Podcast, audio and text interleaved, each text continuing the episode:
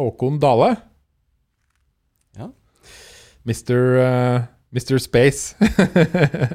Ja, jeg har i hvert fall uh, gjort det til uh, levebrød. og Utforske verdensrommet, ja. yes.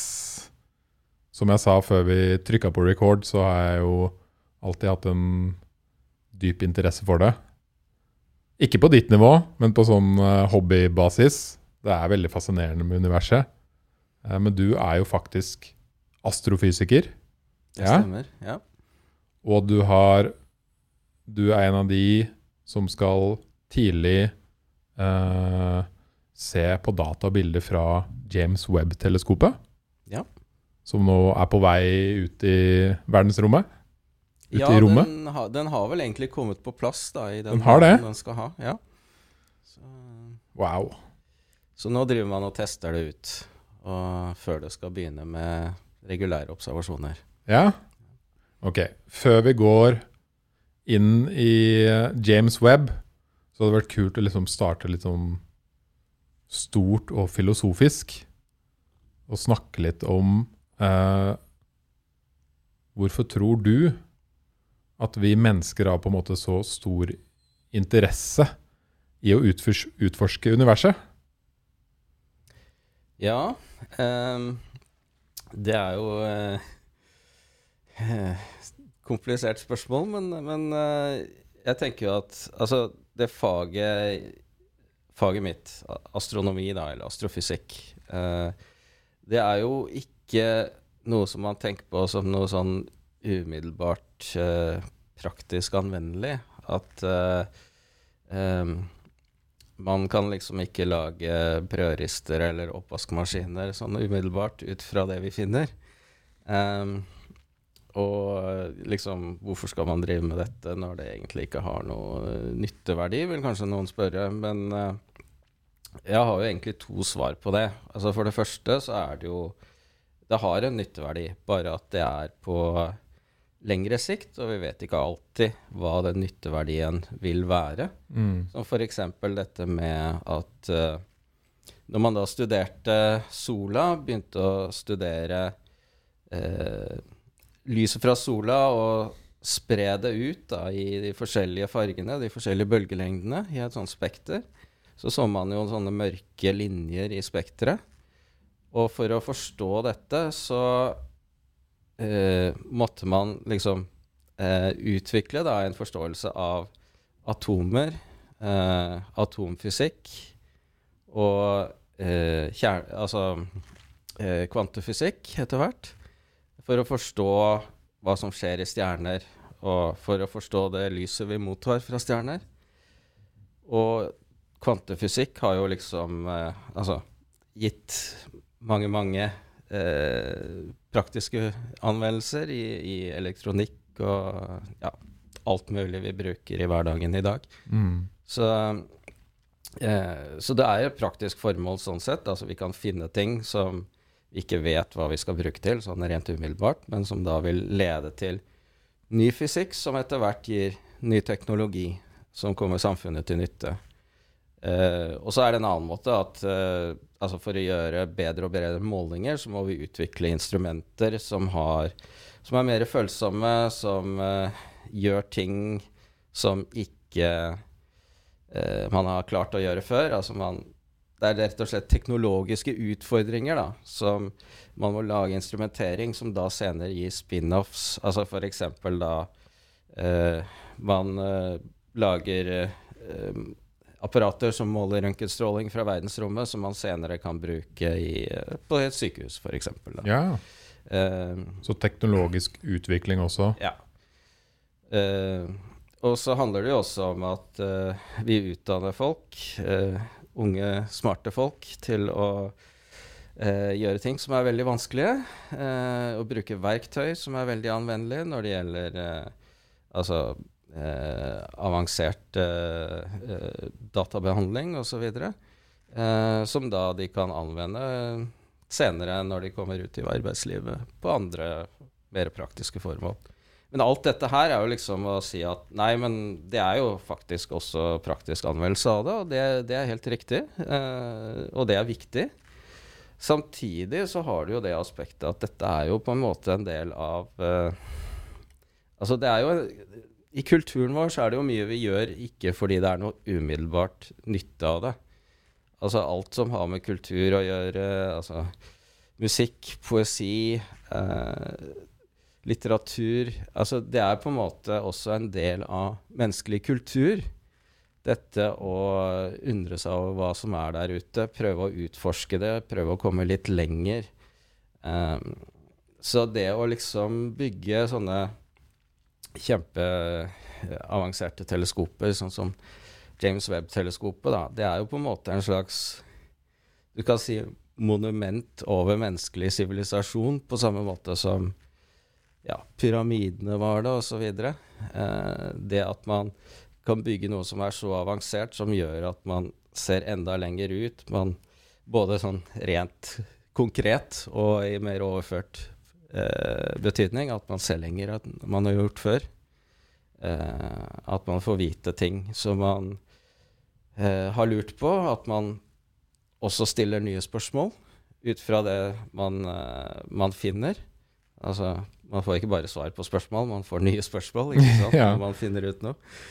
Uh, så, og så finner man ut ting som man ikke ante. Altså, plutselig dukker det opp ting som man på en måte ikke hadde lett etter. ikke sant? Overraskelser. Helt nye ting. Som uh, fenomener, objekter, som man ikke hadde forestilt seg. Mm.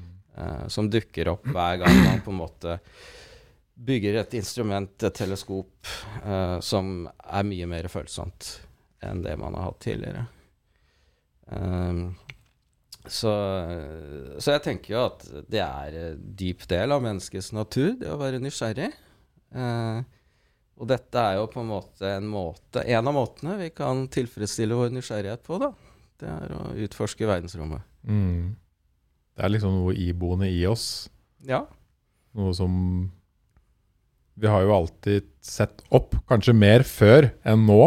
Altså sånn som mennesker som ikke har teleskoper eller jobber med teleskoper, som bor i byer, ser dessverre ja. ikke så mye opp. ikke sant? Men det, er sant. det ligger nok noe i vår natur og noe på en måte nesten programmert inn i oss over mange mange tusen år, at vi har sett mye opp og undret. Ja, det tror jeg absolutt. Mm. Ja. Og eh, det tror jeg er en verdifull eh, del av vår natur som vi bør dyrke. Ja. ja.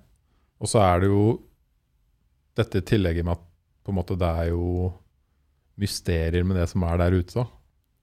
Som man undres over. Ja. Som er spennende. Som er liksom Wow, hva, hva er dette her? Mm. Hva finnes der? Man kjenner liksom det kiler litt i magen når man tenker på disse mysteriene og disse store tankene om hva er det som finnes der ute. Ja, det stemmer. Hva synes du er, eller Du kan svare enten fra deg eller på en måte fra forskningsstandpunkt, men hva er liksom noen av de store mysteriene? Ja, eh, vi har jo flere eh, store mysterier. Um, og et av mysteriene er jo selvfølgelig om det finnes noe liv der ute. Ja. Eh, på andre planeter enn vår egen. Eh, og det er jo eh, veldig, veldig vanskelig å svare på. Eh, du har eh, de som er veldig optimistiske, og de som er veldig pessimistiske når det gjelder å finne liv. Og så er det jo spørsmål om hva slags liv som eh, det er mulig å finne. Altså er det bare snakk om eh, enkle organismer, altså helt sånn encellede organismer, eh, type bakterier tilsvarende osv. Eller eh, finnes det intelligente sivilisasjoner der ute? Eh, og kanskje noen som har kommet uh, en god del lenger enn oss når det gjelder teknologiutvikling osv. Så, videre. mm. så um, så det er jo uh, fascinerende spørsmål. Og du kan si uh, man har jo lurt på dette lenge, ikke sant? Og det har jo vært en sånn gjennomgangstema egentlig i astronomiens historie at hver gang man finner et eller annet fenomen som er veldig annerledes enn det man har sett før, noe som ser veldig merkelig ut, rett og slett, uh, så er det noen som med en gang tenker dette må være eh, intelligent liv der ute. Eh, dette må være Dette er det noen som har lagd dette signalet. Så det begynte jo Altså det tidligste eksempelet jeg kom på i farta, det var jo eh, da man fikk eh, etter hvert bedre og bedre teleskoper, og dette var jo på den tiden før man tok i bruk eh, kameraer og fotografi ikke sant, til å gjøre målinger. Så da hadde man teleskoper. Man rett og slett så gjennom teleskopene, som eh, i karika karikaturtegningene, ikke sant. At man hadde eh, speil Altså vanligvis et, et, et, ofte et linseteleskop. Eh, sånt langt rør, ikke sant, som han så gjennom, og så retta det inn mot Mars. og prøvde da å registrere detaljene så godt som mulig. Eh, de beste astronomene var jo ofte gode tegnere.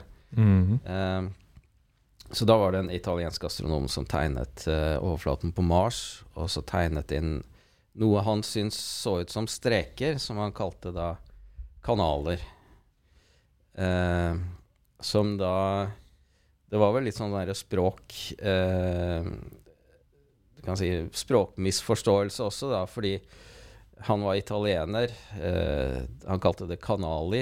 Eh, tilsvarende kanaler på norsk. Men eh, det ble oversatt til engelsk som 'channels', og eh, ikke 'canals'. Eh, og forskjellen er jo at Altså, kanal, det er jo eh, som Suezkanalen, ikke sant. Noen har gravd den ut. Mm. Mens channel er jo som den engelske kanal, noe som en naturlig eh, Du kan si eh, eh, land eh, eh, Hva skal jeg si eh, eh, Ja, noe som naturen har laget, da. Geologiske prosesser. Eh, så, så dette ble jo da tolket som tegn på at det kunne finnes en sivilisasjon på, på, på Mars. Eh, og mye oppstyr rundt det. Eh, og så fikk man jo da etter hvert bedre og bedre teleskoper som viste at nei, det så ikke så mye ut som kanaler likevel. Eh, men den derre fascinasjonen med liv på Mars, den har jo liksom Det har jo vært mye Du kan si populærkultur rundt det, ikke sant. Du hadde den War of the Worlds med HG Wells, og senere dette eh, dette radiohørespillet på 1930-tallet eh, med Orson Wells som skremte vettet av folk i eh, USA ved å lage en sånn radioteater som gikk på at eh, det var Marsboere som invaderte oss. Så det var en lang digresjon, da. Men, eh, men det var dette her med, med liv, og, og da er liksom uh, Dette et eksempel på at man ser noe der ute, og så tolker man det som et tegn på at det er eh, eh, intelligent liv. Mm. Og så har det vel opp, opp gjennom tiden vært flere ganger man har fått underlige signaler Fanget inn underlige signaler fra, fra der ute. Ja. Så, så et annet eksempel var jo da man oppdaget uh, det som kalles uh, pulsarer. Altså, pulsarer, det er en eh, stjernerest, en såkalt nøytronstjerne, som er omtrent på størrelse med Oslo. Eh, Mm. Oslo-gryta. Sånn en, En rest av en stjerne. rest av en stjerne. Så Ja. dette er altså en stjerne som eksploderer på slutten av sitt liv. Så eksploderer den, og da får man en rest igjen. Så dette er Det som skjer, er at kjernen kollapser og blir til denne nøytronstjernen, mens de ytre det, og så dannes det en sjokkbølge eh, som blåser de ytre delene av stjernen, eh, stjernen i filler. Eh, og gjør at den blusser opp, da. Så da Mm. kan lyset nesten like sterkt som Altså alle de flere hundre milliarder stjernene i en galakse. Så kan liksom se den ene eksplosjonen lyse like sterkt i eh, noen uker. Um, Så når den sprenger, holdt jeg på å si ja, stjernen. når den sprenger. Ja. Uh, så uh, men, men altså, denne resten som er igjen, denne nøytronstjerna, den er veldig, veldig liten i forhold til den opprinnelige stjernen. Veldig kompakt materie. Og den spinner vanligvis rundt veldig, veldig kjapt rundt sin egen akse. Så uh, noen av disse spinner jo opp til 1000 ganger rundt i løpet av ett sekund. Wow. Ja, Så der Og så er det på størrelse med Oslo. Ja. Ja. Så eh, der blir man svimmel. Det, hvis man kunne sitte på overflaten. Det er jo flere ting, som tyngdekraften annet, som gjør at det, det ikke uh, er så eh, Jeg holdt på å si forenlig med liv å sitte Mm. på overflaten. Men, eh, men altså, disse spinner rundt, og så de, er de omgitt av veldig, veldig kraftige magnetfelt. I disse magnetfeltene så er det da eh, partikler, elektroner, som spinner rundt i høy hastighet eh, og beveger seg nesten med lyshastigheten. Og de sender ut da eh, Det er akkurat som, som jorda har jo en magnetisk nordpol og en magnetisk sørpol. Eh, og den er jo ikke akkurat på samme sted, sted som den geografiske nordpolen. Eh, så det er det samme på disse stjernene. Så, men når de spinner rundt, så er det sånn at når disse polene peker mot oss, så mottar vi eh, da en radiosignal. Og når de spinner rundt da, kan si opp til ja, De første man fant, spant rundt kanskje én gang i sekundet eller noe sånt. Eh, men da mottar man jo et sånt blipp, da. En gang i sekundet. Et sånt helt sånn regelmessig signal. Eh, som er eh, mye mer nøyaktig enn en klokke vi lager her på jorda. Eh, og det oppdaget man jo da, at det er en sånn sender der ute som sender ut en sånn pip, pip, pip, pip, pip, pip, pip helt, helt nøyaktig. Hvor lenge kan de stå og spinne sånn? Eh, altså i de spinner, de spinner jo gradvis nedover. Altså Ja. at, de, at eh, eh, eh, spinnhastigheten eh, reduseres gradvis etter hvert. Men det tar jo eh, Det går jo over tusenvis av år. Det gjør det. Ja. Så det kan være en veldig god klokke da, i mange I potensielt 1000 år. Ja, ja. Ja.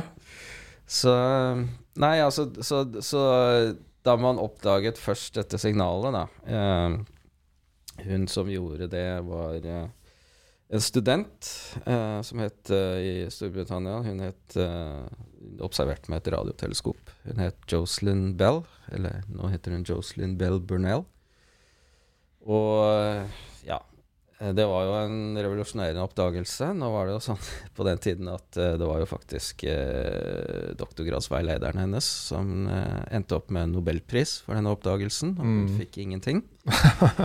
Eh, Den er kjip. den er kjip. Ja. Eh, så Nobelkomiteen har jo fått høre det en del ganger i ettertid. Eh, særlig liksom at man overser en ung kvinne for en oppdagelse hun har gjort. Ja. Eh, så Men i hvert fall eh, Da de, de, Det de kalte det sånn i starten, det var jo LGM, dette signalet, for Little Green Men. Mm. Eh, så da eh, tok det jo litt tid før man eh, skjønte at eh, nei, dette er jo faktisk da ikke eh, Ikke en sivilisasjon, men dette er jo faktisk da et sånt fysisk fenomen som var I og for seg så var det jo forutsagt at det skulle dannes sånne nøytronstjerner, men at de skulle eh, sende ut et så kraftig radiosignal eh, som dette, det det var vel en overraskelse. Ja. Så dette var nok en misforståelse da, på Ja. noe vi håpte kunne være liv der ute. Så, men man, eh, altså en av de tingene som gjør, gjør det opplagt at dette her ikke er eh, intelligent liv, det er jo at man, man har et tilfelle hvor man kan I hvert fall ett tilfelle hvor man kan knytte dette veldig tett sammen med en sånn eksplosjon. Altså det var i 1054. Så var det da en sånn eksplosjon i vår egen galakse eh, som dannet en uh, fin tåke som vi Altså gassrestene da, fra eksplosjonen. En fin tåke på stjernehimmelen som vi kaller for krabbetåken. Uh, den er ganske kjent. Så, så da har man altså denne krabbetåken, og så har man da funnet inni der en sånn nøytronstjerne som spinner, Mm. og målt radiosignaler fra den. Og ser at ja, gassen har da bredt seg utover fra denne eksplosjonen. Så det er jo en veldig sånn klar demonstrasjon på hva som har foregått, da. at dette her er et uh, veldig voldsomt, men naturlig fenomen. Um, Men også i nyere tid så har man vel lært at det fins sykt mye planeter der ute. det har man. Ja, uh, Som på den andre siden, på den positive Det har man. Uh, og det var jo ikke opplagt at det skulle Altså fram til drøyt 25 år siden så kjente man jo ikke til noen andre planetsystemer enn vårt eget solsystem. Mm. Uh, så da var det egentlig bare spekulasjoner, eller ja uh, Hva skal jeg si Educated guess, heter det vel. At uh, hvor, hvor mange stjerner som ville ha planetsystemer rundt seg. Og da trodde man jo også at hvis man klarte å finne planetsystemer rundt andre stjerner, så vil de ligne ganske mye på vårt eget planetsystem. At du hadde ganske Altså planeter innerst som er sånn omtrent på størrelse med jorda. Eh, kanskje litt mindre, kanskje litt større. Som da er det vi kaller for terrestriske planeter, altså at de har en eh, fast overflate da, som du kan lande, med, lande på. Og så litt lenger ute så ville du ha det vi kaller for gasskjemper, da. Slik som eh, Jupiter og Saturn, eh, som er eh, rett og slett eh, store si, ansamlinger av eh, gass som er si, Øverst så har du et skylag, og så blir det tettere og tettere og tettere innover. Men du har på en måte ikke noe sånn fast overflate eh, å lande på.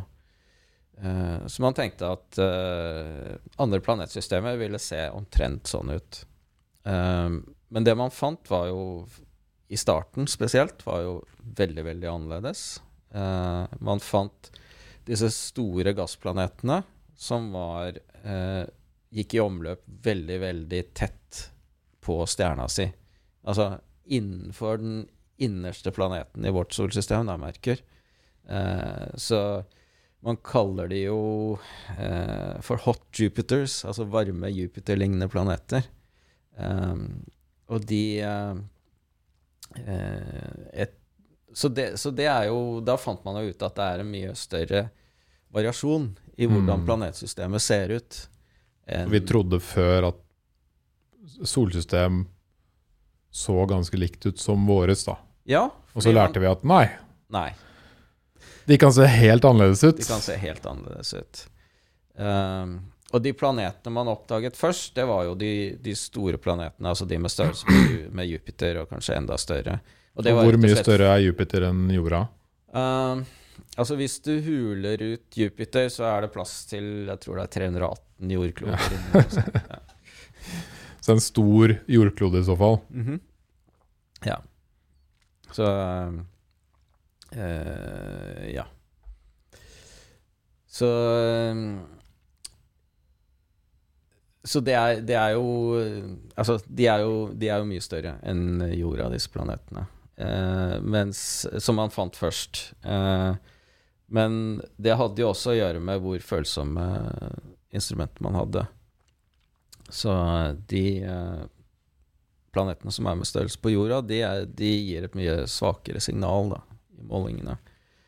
Så det er litt forskjellige måter å finne disse planetene på, og den måten som etter hvert har tatt over, eller som man har vært mest fruktbare, da, eh, det er rett og slett å måle lyset fra en stjerne veldig, veldig nøyaktig hele tiden, og så se at lyset blir litt svakere når det passerer en planet rett foran stjerna. Eh, og den metoden har man brukt bl.a. med en, eh, et romobservatorium som het Kepler, som fant uh, flere tusen uh, planeter på den måten. Uh, og de var stort sett De aller fleste planetene man fant, de var eh, større enn jorda, men noen var liksom mellom jorda og Jupiter i størrelse, da. Mer på størrelse med Altså, de hadde en, en masse som er sånn rundt ti ganger jordas masse.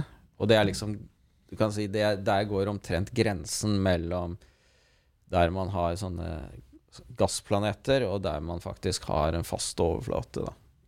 Så er det sånn over en viss størrelse så må det være gassplanet? Er det det vi Ja. tenker? Fordi altså selv om du Altså når, de, når disse planetene dannes, så hvis de er Hvis de har eh, Altså selv om du i utgangspunktet har en kjerne eh, som er eh, fast, så vil de da kunne trekke til seg så mye gass da, at du får en veldig eh, tjukk kappe av gass rundt denne, denne faste kjernen.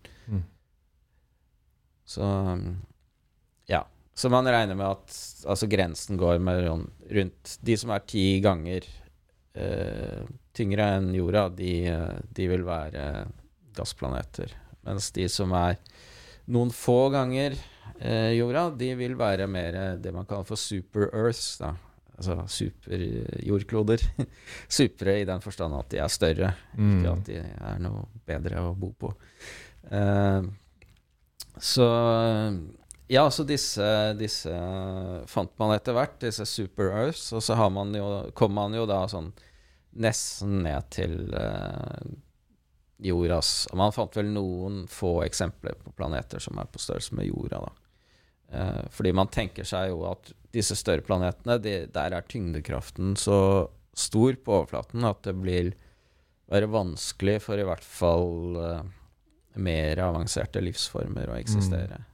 Så størrelsen på planeten gjør at tyngdekraften blir Ja, Større? altså egentlig massen, da, men det er jo Massen, en ja. sammenheng. Altså. Ja. De, de varierer jo litt i tetthet, men de, hvis de har omtrent samme tetthet, så vil jo da størrelsen og massen henge sammen. Så for at mennesket skal, skal kunne leve der, kan, hvor mange ganger større enn jorda tror du den kan være da? Planeten? Ikke så veldig mye, faktisk. Nei? Uh, men altså, det, det har jo å gjøre med at uh, altså, musklene, ryggraden, er ikke i stand til å holde oss oppe, da. Ikke sant? At det blir vanskelig å gå hvis tyngdekraften blir eh, en del høyere enn det den er på Men så er det jo da igjen typisk at da tenker man jo sånn som vi ser ut nå. Ja, Ja. det er sant. Og det trenger jo ikke være sånn hvis det er liv på en annen planet. Det er sant. Man kan tenke seg livsformer som, eh, som er eh, skal si, utviklet, adaptert. Eh, evolusjonen har gjort det sånn at de er tilpasset høy, eh, sterkere tyngdekraft enn det Mm. vi har på jordoverflaten. Uh, men så er det jo det med at hvordan oppstår livet, da? Ikke sant? Og hva er det som skal til for at livet skal kunne utvikle seg i en veldig tidlig fase? Og det man tenker da, det er jo at uh, en viktig betingelse er jo dette med flytende vann. Ja. At det skal eksistere flytende vann på overflaten. Uh, eller ja, strengt tatt kanskje ikke på overflaten, kanskje også i et underjordisk hav f.eks., at det er mulig.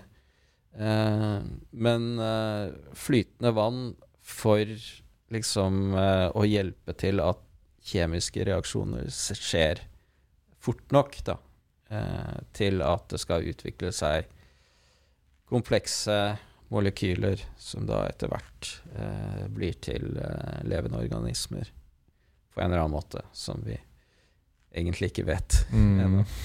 Uh, men uh, Ja, for det er et annet mysterium. det er et annet mysterium, og det er litt utenfor mitt Ja, vi, vi kan spare, jeg kan spare Ja. den til en annen podkast. Ja. Men, uh, men i hvert fall så tenker man seg at eh, man, skal man lete etter liv, så bør man lete på etter steder hvor det kan eksistere flytende vann.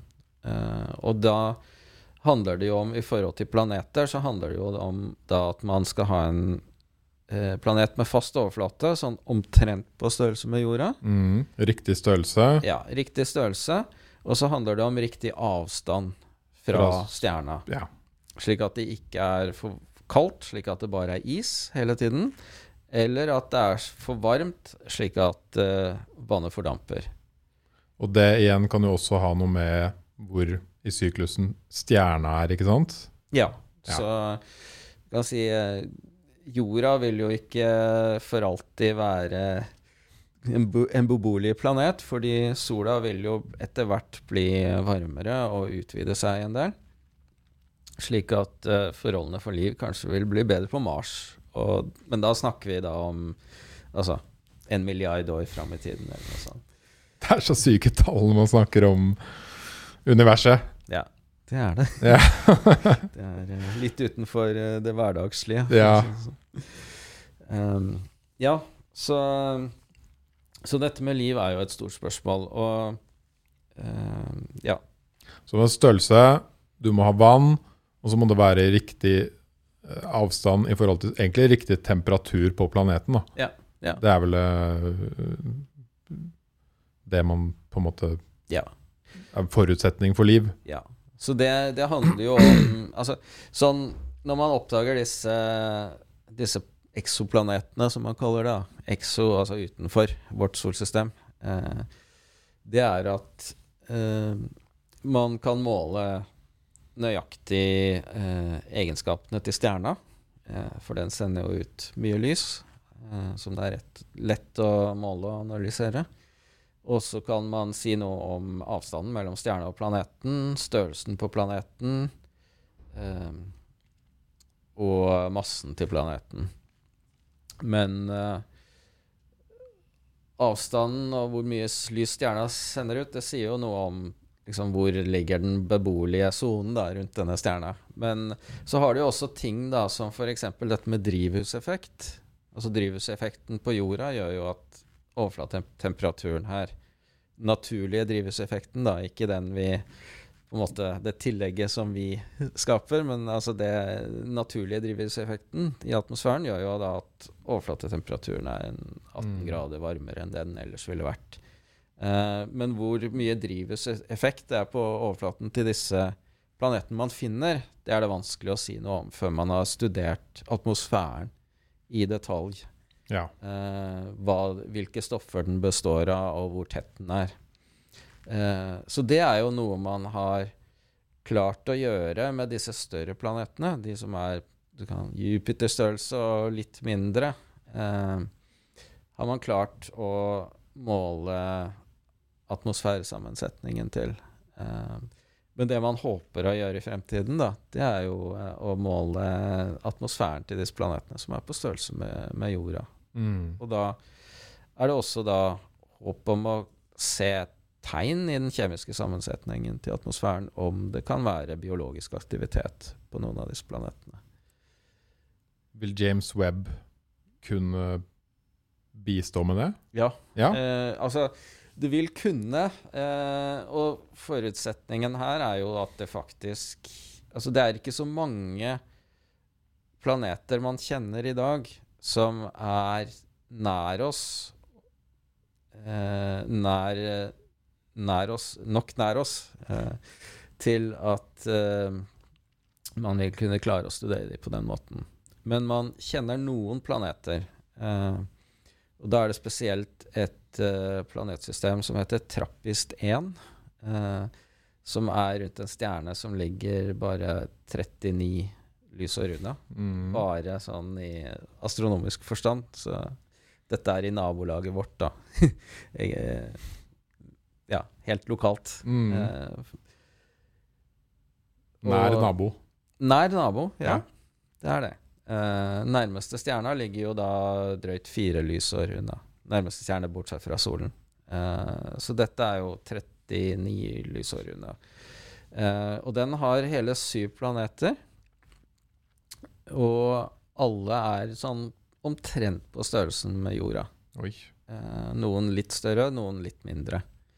og det fine er også at denne stjerna er en mye mindre stjerne enn sola. Så det betyr at når en planet passerer foran, så blokkerer den en mye større del av lyset. Når stjerna er mindre i forhold til planeten, så er det eh, mye mer av lyset som blir borte når planeten passerer foran, enn om det hadde vært en mye større stjerne som sola, f.eks.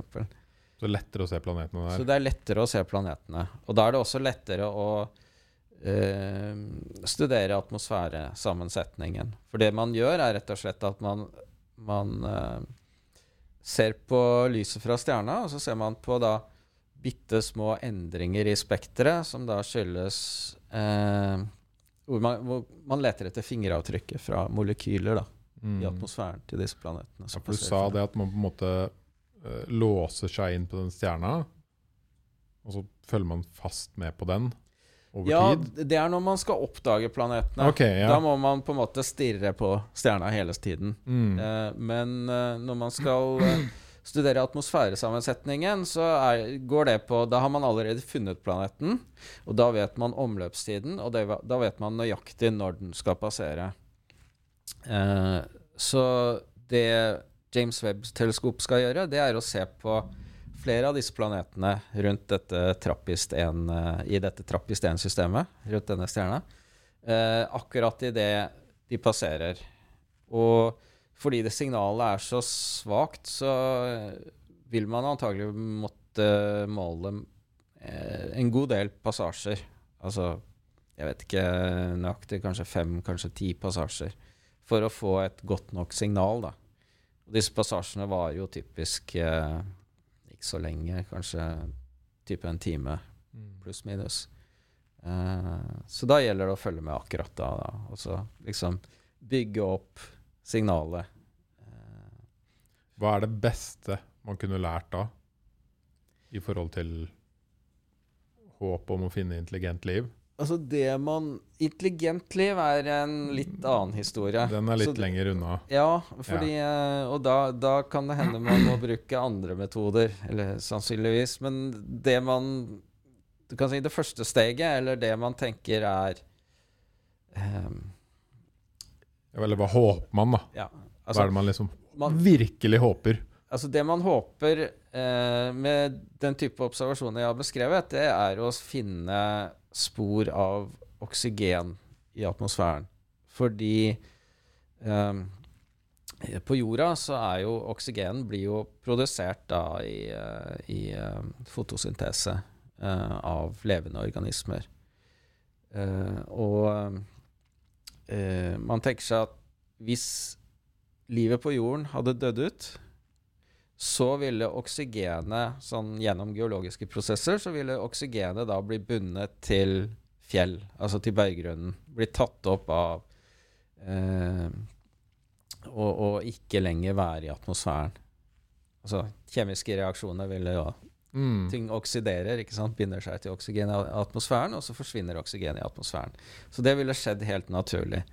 Så man tenker at på andre planeter så er det også da nødvendig å ha en eller annen eh, si, kjemisk reaksjon som eh, som foregår i levende organismer for å vedlikeholde nivået av oksygen i atmosfærene.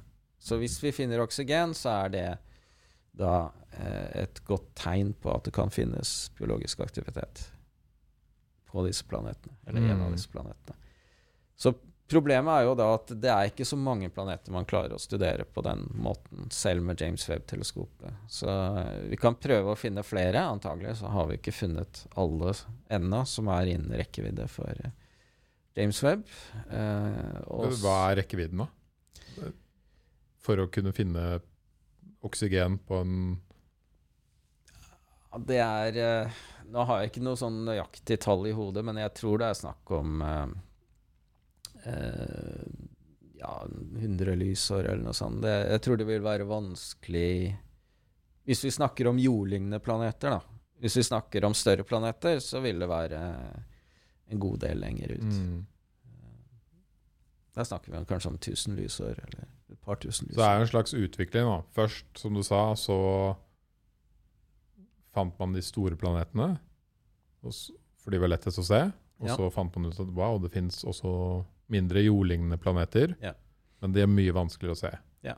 Men vi har lyst til å prøve å sjekke om det er noe oksygen der. Ja. ja. Ja. Og så Hva skjer hvis vi finner ut det? Ja, det er jo spennende. Sånn, hva er neste steg? Um, det er jo andre ting man kan uh, se etter ved å måle lyset som blir reflektert da, fra overflaten til disse planetene. Eh, som f.eks. på jorda, hvis man hadde hatt et eh, veldig følsomt instrument som studerte lyset fra jorda på ja, 20-30-40 lysårs avstand. Um, så vil man kunne se hvordan eh, lyset endrer seg avhengig av når si, Avhengig av hvilken del av jorda som blir belyst. Altså hvis det er eh, hav, så vil det være, lyset være blått. Mm. Eh, hvis du ser eh, ja, Sahara-ørkenen, så vil lyset ha en annen farge. Og hvis du da ser Amazonas-området, f.eks., med regnskog, så vil du kunne se grønne fargen fra klorofyllet da, i, i jungelen der. Um, så, så, det er jo sånne ting som man også kan lete etter, da. Mm. Eh, og kanskje endringer som skyldes årstider. Eh, endringer i vegetasjon. Eh, og du kan jo si, hvis vi hadde nå funnet ut og trodde var oksygen på en av disse syv planetene, så ville det vel kanskje igjen vært et initiativ da, for å utvikle enda kraftigere instrumenter og teknologi og nye måter å undersøke og forske. Det vil forske. være en veldig god motivasjon for det. Ja. så, men så har man jo også, i tillegg til James Webb-teleskopet, så har man jo også teleskoper da En ny generasjon kjempeteleskoper som er under eh, planlegging og delvis bygging allerede, på bakken. Ja. Um, som da vil Altså være følsom på litt andre bølgelengdeområder og kunne utfylle James Webb-teleskopet. Mm. Så fordelen med å bygge et teleskop på bakken, det er at du, eh, eh, du kan bygge det større. Eh, da kan du samle mer lys og være mer følsom. I hvert fall på For den type lys, da, eller eh, bølgelengder som, som, slipper ned gjennom atmosfæren. Eh, så litt av fordelen med James Webb er jo at den da måler lys eh, på en del bølgelengder som atmosfæren ikke slipper gjennom noe særlig. Mm. Um, så, men, men uh, noen av disse teleskopene Altså da, da, Når jeg sier kjempeteleskoper, altså de største teleskopene man har i dag eh, Optiske teleskoper, altså teleskoper som måler synlig lys, eh, de har et diameter på speilet på åtte til ti meter. Så det er liksom dagens generasjon av kjempeteleskoper. Det er ikke så stort? Eller? Nei, eh, men eh, Hva er next gen? Altså next gen altså Det, det mest ambisiøse, det er det jo da Det bygges nå i Chile. Eh, det er det europeiske sydobservatoriet, ESO, som står for. Eh, det vil da ha en speildiameter på 39 meter. Det er ganske mye heftigere. Ja. Så det er liksom lengden på en Boeing 737. Liksom. Mm. Det, er, det, er, speilet, og så må du jo da ha selve teleskopstrukturen rundt, og så må du ha en kuppel som dette er plassert i. Så da, eh, så da blir det ganske Wow. Eh, I Atacama Desert, eller? Det er i Atacama-ørkenen, ja. Eh, yes, jeg har jeg vært, vet du. Ja. Og sett på stjerner ja. i teleskop. Ja. Eh, så det er jo Der er det veldig tørt. Eh, veldig få regnværsdager. det er vel noen steder der det ikke har regnet på 300 år, tror jeg. Wow. Så, ja. altså eh, Det er det mest utrolige naturopplevelsen jeg har hatt i livet, i hvert fall. Jeg husker vi sto på en topp. og Når vi så den ene veien, så så vi tre vulkaner. Når vi så den andre veien, så så det ut som Mars. Og når vi så den siste veien, så så det ut som ja, det var sånn Salt Lake. Sånn, bare sånn helt hvitt salt. Ja. ja. Så det var et unikt sted. Ja. Og optimalt, som jeg har skjønt, for ja. å se ut i verdensrommet. Altså Hvis man skal bygge et teleskop, så er det et godt tips å se etter steder som ligner på Mars. At, uh, det vil si at det ikke er noe vegetasjon der.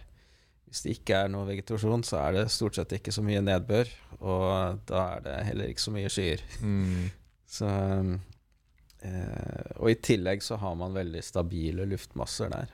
Uh, ja, for det å, å være ute på natta der og se på stjernehimmelen Man sier jo det ikke sånn når man drar på hytta her i Norge og ser på stjernehimmelen, så er det helt fantastisk. Der var det helt helt vilt. Ja. ja. ubeskrivelig hvor, hvor, klart du så stjernehimmelen. Altså det som er spesielt med den sørlige halvkule, det er jo at eh, på den sørlige halvkule så ser vi kan vi se innover eh, mot eh, de Du kan si sentrum av vår galakse, da, hvor det er størst tetthet av stjerner. Eh, så her, her, i Norge så kan vi jo se Melkeveibåndene mm. på himmelen. Altså, vi lever jo i en sånn diskosformet galakse, ikke sant, hvor vi er eh, sånn et stykke ut i en av spiralarmene. Eh, og fordi denne da disken, denne skiven, er ganske flat, så vil vi jo da se dette Når vi sitter inni den, så ser vi det som et bånd på himmelen. Eh, men så er det jo da en høyere tetthet av stjerner i midten av denne, denne diskosen. Uh, og sett fra oss, vårt ståsted da, i Norge, så er sentrum av Melkeveien sentrum av vår galakse, det er i den retningen hvor sola står i uh, desember. Ja. Det vil si, det er så vidt over horisonten her i Oslo og under horisonten i Nord-Norge. Mm. Uh, så det gjør at det ikke er Det ser jo ikke så veldig spektakulært ut. Uh, mens da, hvis du er i, i Atacama-ørkenen i Chile, på riktig tid av døgnet og årstid, så vil du jo da kunne se denne i senit rett over deg. Eh, og det er en ja, det er en stor naturopplevelse. Mm. Og at i, i, tillegg ser det ut som Mars. Det ja. gjør det litt ekstra spesielt ja. å være der. Det gjør det. Men ok, jeg skal bare nevne at sant, den røde tråden i denne samtalen her, det blir jo selvfølgelig James Webb-teleskopet. Mm -hmm. Og nå har vi snakka om ett av de store mysteriene. Det er liv på andre liv ute i universet, som er veldig spennende. Hvor det er både uh, folk som er optimistiske, og folk som ikke er så optimistiske. Og det er jo også noe med unikheten av det å skape liv, da. Ja. ja. Det er jo rett og slett en del spørsmål som, vi, som bare blir gjetninger. Ikke sant. Ja. Ok, kult. Neste mysterie. Starten på starten på universet? Ja. Eh, du kan si vi har jo i dag en sånn standardmodell da, for hvordan universet har utviklet seg. Eh, som vi kaller for Big Bang, egentlig. Det har jo med starten. Eh, og eh, det stammer jo, du kan si, fram til eh, slutten av 1920-tallet så trodde man jo at universet var statisk, at det ikke endret seg med tiden. Uh, og Men så fant man jo da at uh, når man målte hastighetene til galakser, uh, om de beveget seg mot oss eller fra oss, så fant man ut at uh, de aller fleste galaksene beveget seg fra oss. Uh, det, det, fant man egentlig ut allerede eh, tidligere på 1900-tallet. Uh, men da var det bare en håndfull galakser man hadde målt. Så da tenkte man at mm. ok, det, det, kan være noe lokalt, det kan være noe tilfeldig. Men så målte man flere galakser, og på større avstander. og fant ut at de beveget seg vekk fra oss. Og da var det to astronomer. Det var uh, Edwin Hubble i USA, uh, som uh, Hubble-teleskopet er oppkalt etter. Kjente romteleskopet. Og Georges Lemaitre. Det var en belgisk astronom. Så de fant, uavhengig av hverandre, ut at det er en sammenheng mellom hvor langt galaksene er vekk fra oss, og hvor fort det beveger seg vekk fra oss. Uh, så alt flyr vekk fra oss, og jo lenger unna det er, jo fortere flyr det vekk fra oss. Uh, så da har man to muligheter for å forklare dette her. Mm. Det ene er at vi sitter i universets sentrum, og at uh, uh, på en eller annen måte så altså har det skjedd en eksplosjon eller noe sånt, og så flyr bitene vekk fra oss.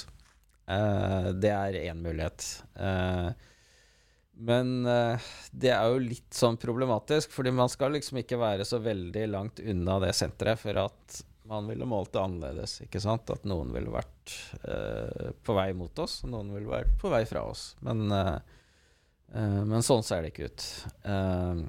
Og det er litt sånn eh, eh, i strid med du kan si det du kaller for det kopernikanske prinsippet. ikke sant? Kopernikus sa at eh, jorda er ikke i sentrum for Mm. universet. Eh, jorda går rundt sola osv. Men at vi plutselig skulle havne tilbake i sentrum, det var ikke så veldig eh, tiltrekkende tanke, egentlig, eh, for astronomer. Eh, hvordan skal man forklare det, liksom? Eh, men det andre alternativet, det er rett og slett at sånn ser det ut fra alle steder i universet. Uansett hvor man sitter, så vil det se ut som galaksene flyr vekk fra deg. Det, og det skyldes rett og slett at eh, ja, Man kan sammenligne det med om man eh, ja, vanlig bilde som brukes ofte, det er jo at dette her er som en eh, bolledeig med rosiner som hever seg, som eser ut. Mm. Og da vil det jo være sånn at uansett hvilke Og da er det galaksene som er rosinene. Mens bolledeigen er liksom selve rommet da, mellom galaksene. Så deigen utvider seg. Mm. Eh, så uansett hvilken rosin du sitter på inni denne deigen, så vil jo de andre rosinene fjerne seg, fjerne seg fra deg. Eh, og jo lenger unna de er, jo fortere vil den eh, hastigheten være. De fjerner seg med. Eh, så, så det er jo, kan si, ideen. Det er jo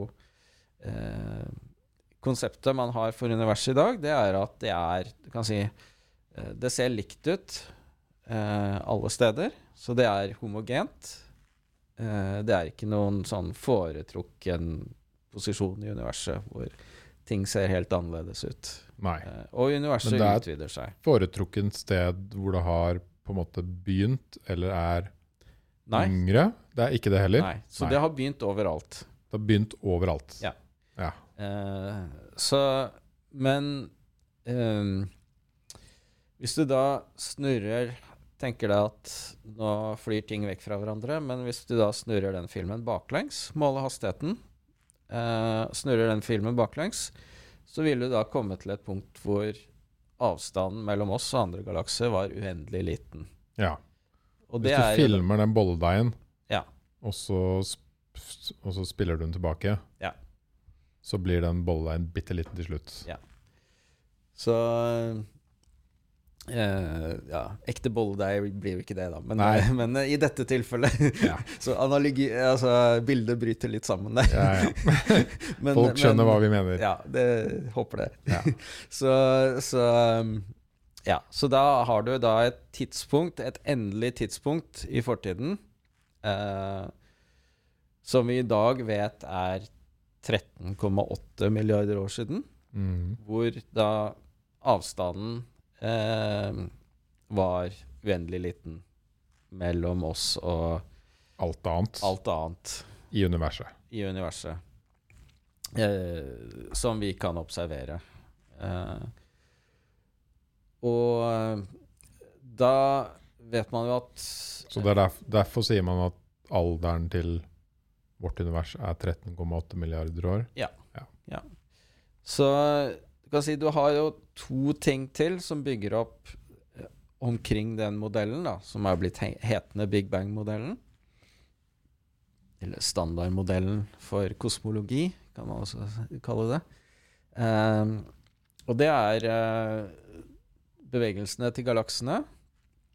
Og så har du to ting til. Det er at uh, altså når ting var tettere, så var det også varmere. Uh, så på et gitt tidspunkt, som var eh, si, eh, den tidligste fasen av universets historie, så var det så varmt at du hadde ikke Du hadde på en måte bare en sånn varm suppe av stråling og partikler. Før det var planeter og stjerner og Lenge før det var planeter. Lenge før det, ja. Eh, så da snakker vi om de første 400 000 år av universets eh, eksistens. Eh, så da var det bare en sånn suppe. Så det var liksom Hvis man da var der, så ville det være som å sitte inni en sky omtrent. da Uh, At uh, det var ugjennomsiktig. Men så etter hvert som det, kjølte, som det ekspanderte, så kjølte det seg ned. Og da ble universet gjennomsiktig.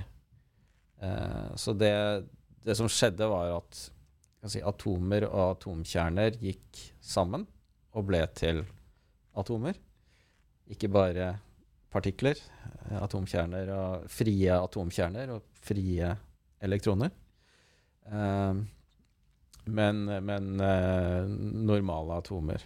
Eh, så når det skjedde, så kunne da eh, Så ble universet gjennomsiktig.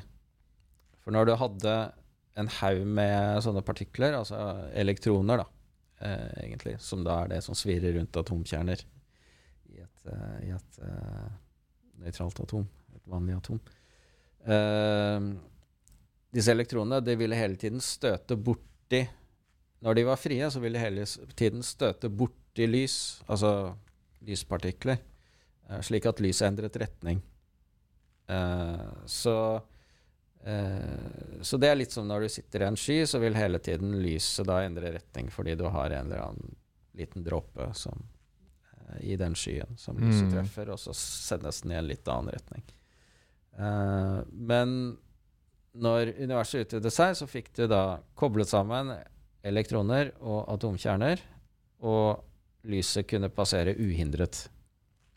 Uh, det traff ikke noen elektroner lenger. Uh, og det lyset, det kan vi observere i dag. Altså det, den strålingen da, som ble på en måte frigjort, som ble eh, Når det ble sluppet liksom løs Når det ble sluppet løs, ja. så kunne da det passere uhindret gjennom universet.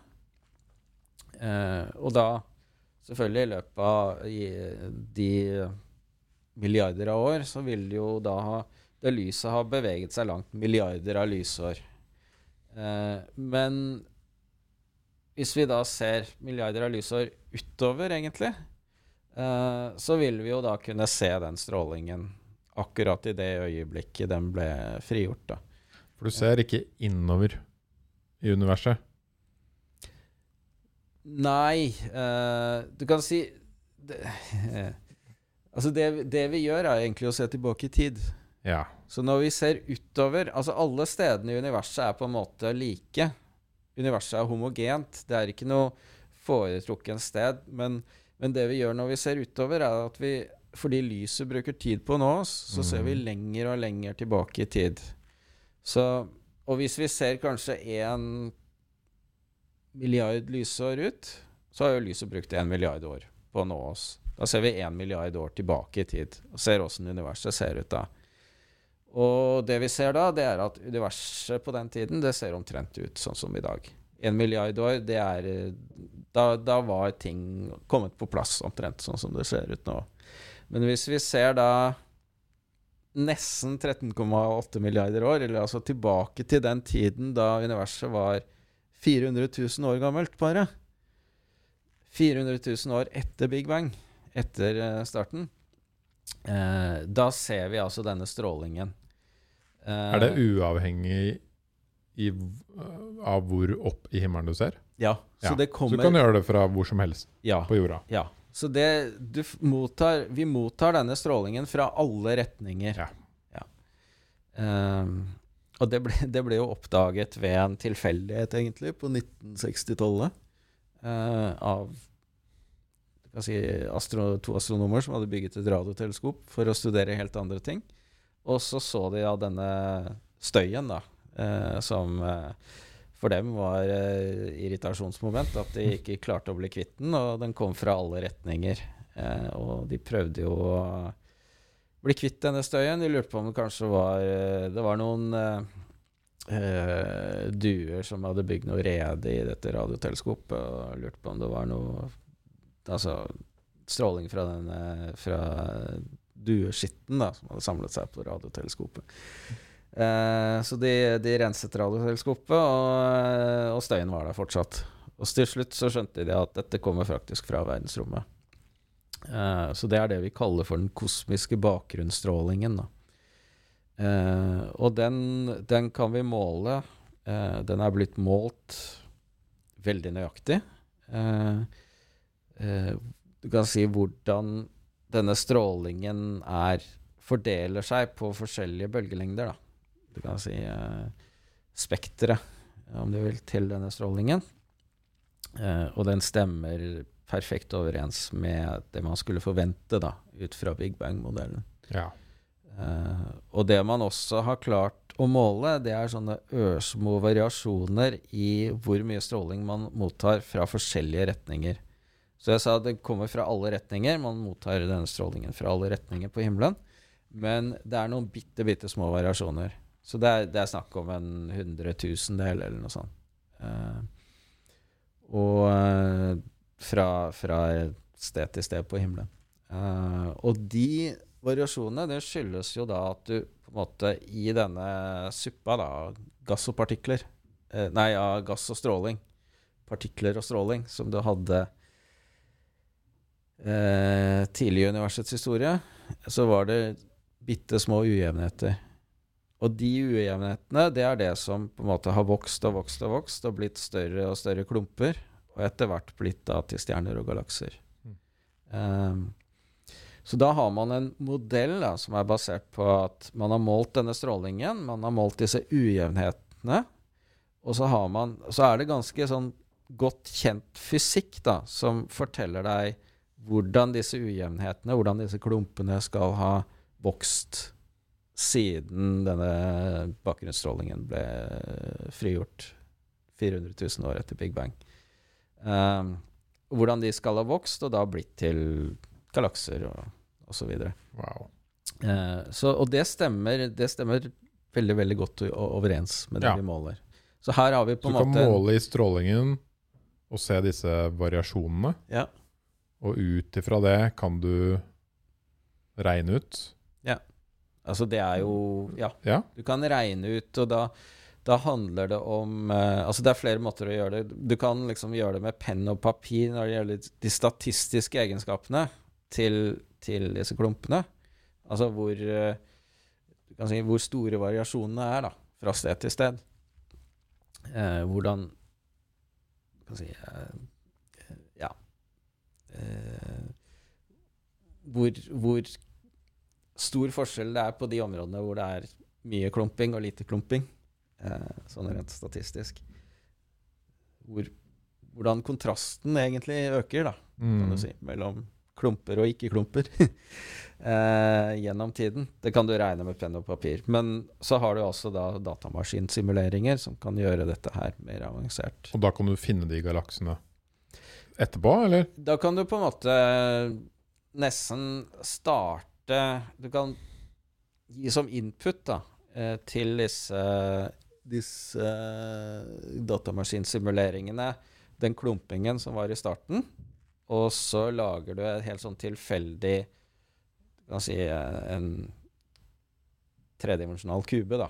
I, eh, så hvor du, hvor du bare tilfeldig eh, plasserer eh, klumper som er klumpet på den samme måten Mm. ikke sant, i starten, og så kjører du dette her eh, i tid framover. Du ser på da Primært så er det jo da tyngdekraften som virker, og du kan si tyngdekraften fra klumpene vil trekke til seg materie fra områdene rundt. Så hvis du har mindre klumper i nærheten, så vil de trekkes mot de større klumpene. Og så kanskje smelte sammen, så får du enda større klumper.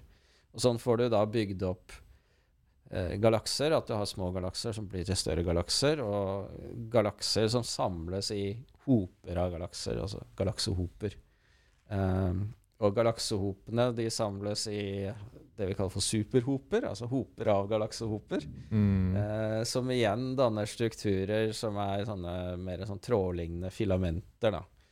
Eh, så hvis vi i dag måler posisjon og avstand til galakser rundt oss, så ser vi akkurat at den strukturen at de er liksom organisert i sånne klumper, galaksehoper, som da igjen er forbundet med sånne filamenter Mm.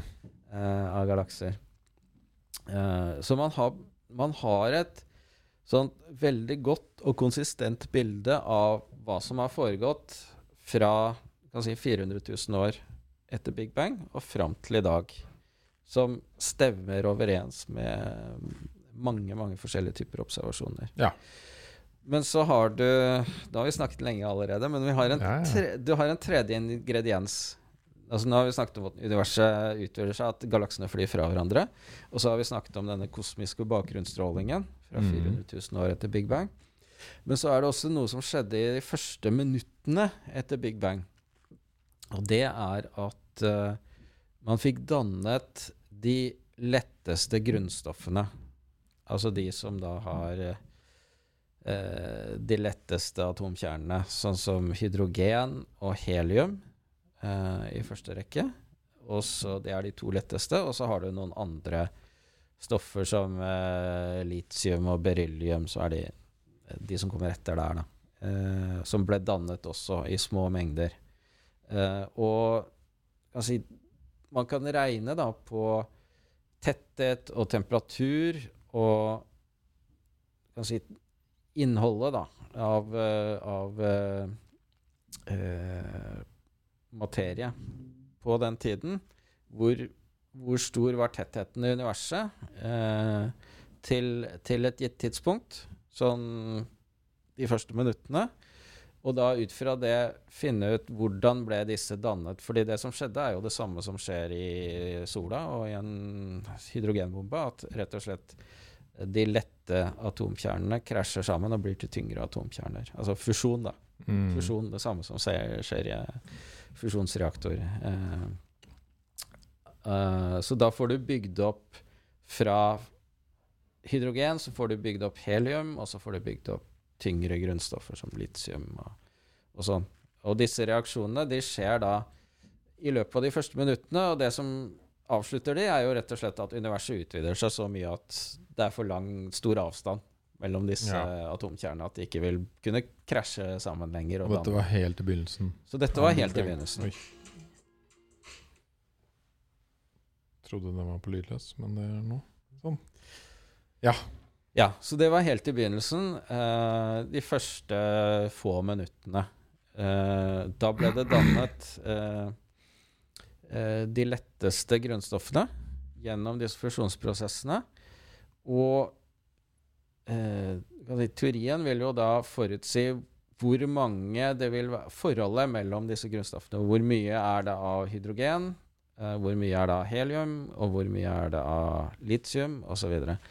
Eh, og så finnes det jo litt forskjellige varianter av disse forskjellige typene, altså det vi kaller for isotoper.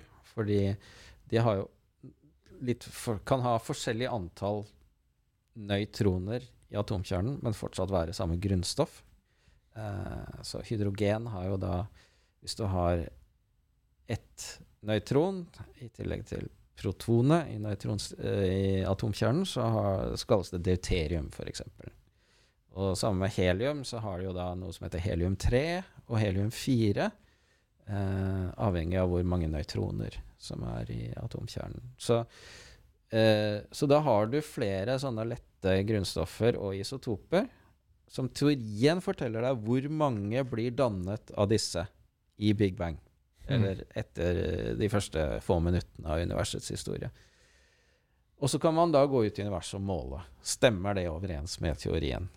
Og det man har funnet ut, det er jo at det stemmer veldig godt overens med den teorien. Så da har man enda en eh, du kan si viktig type uavhengig bekreftelse på at Big Bang-modellen er riktig.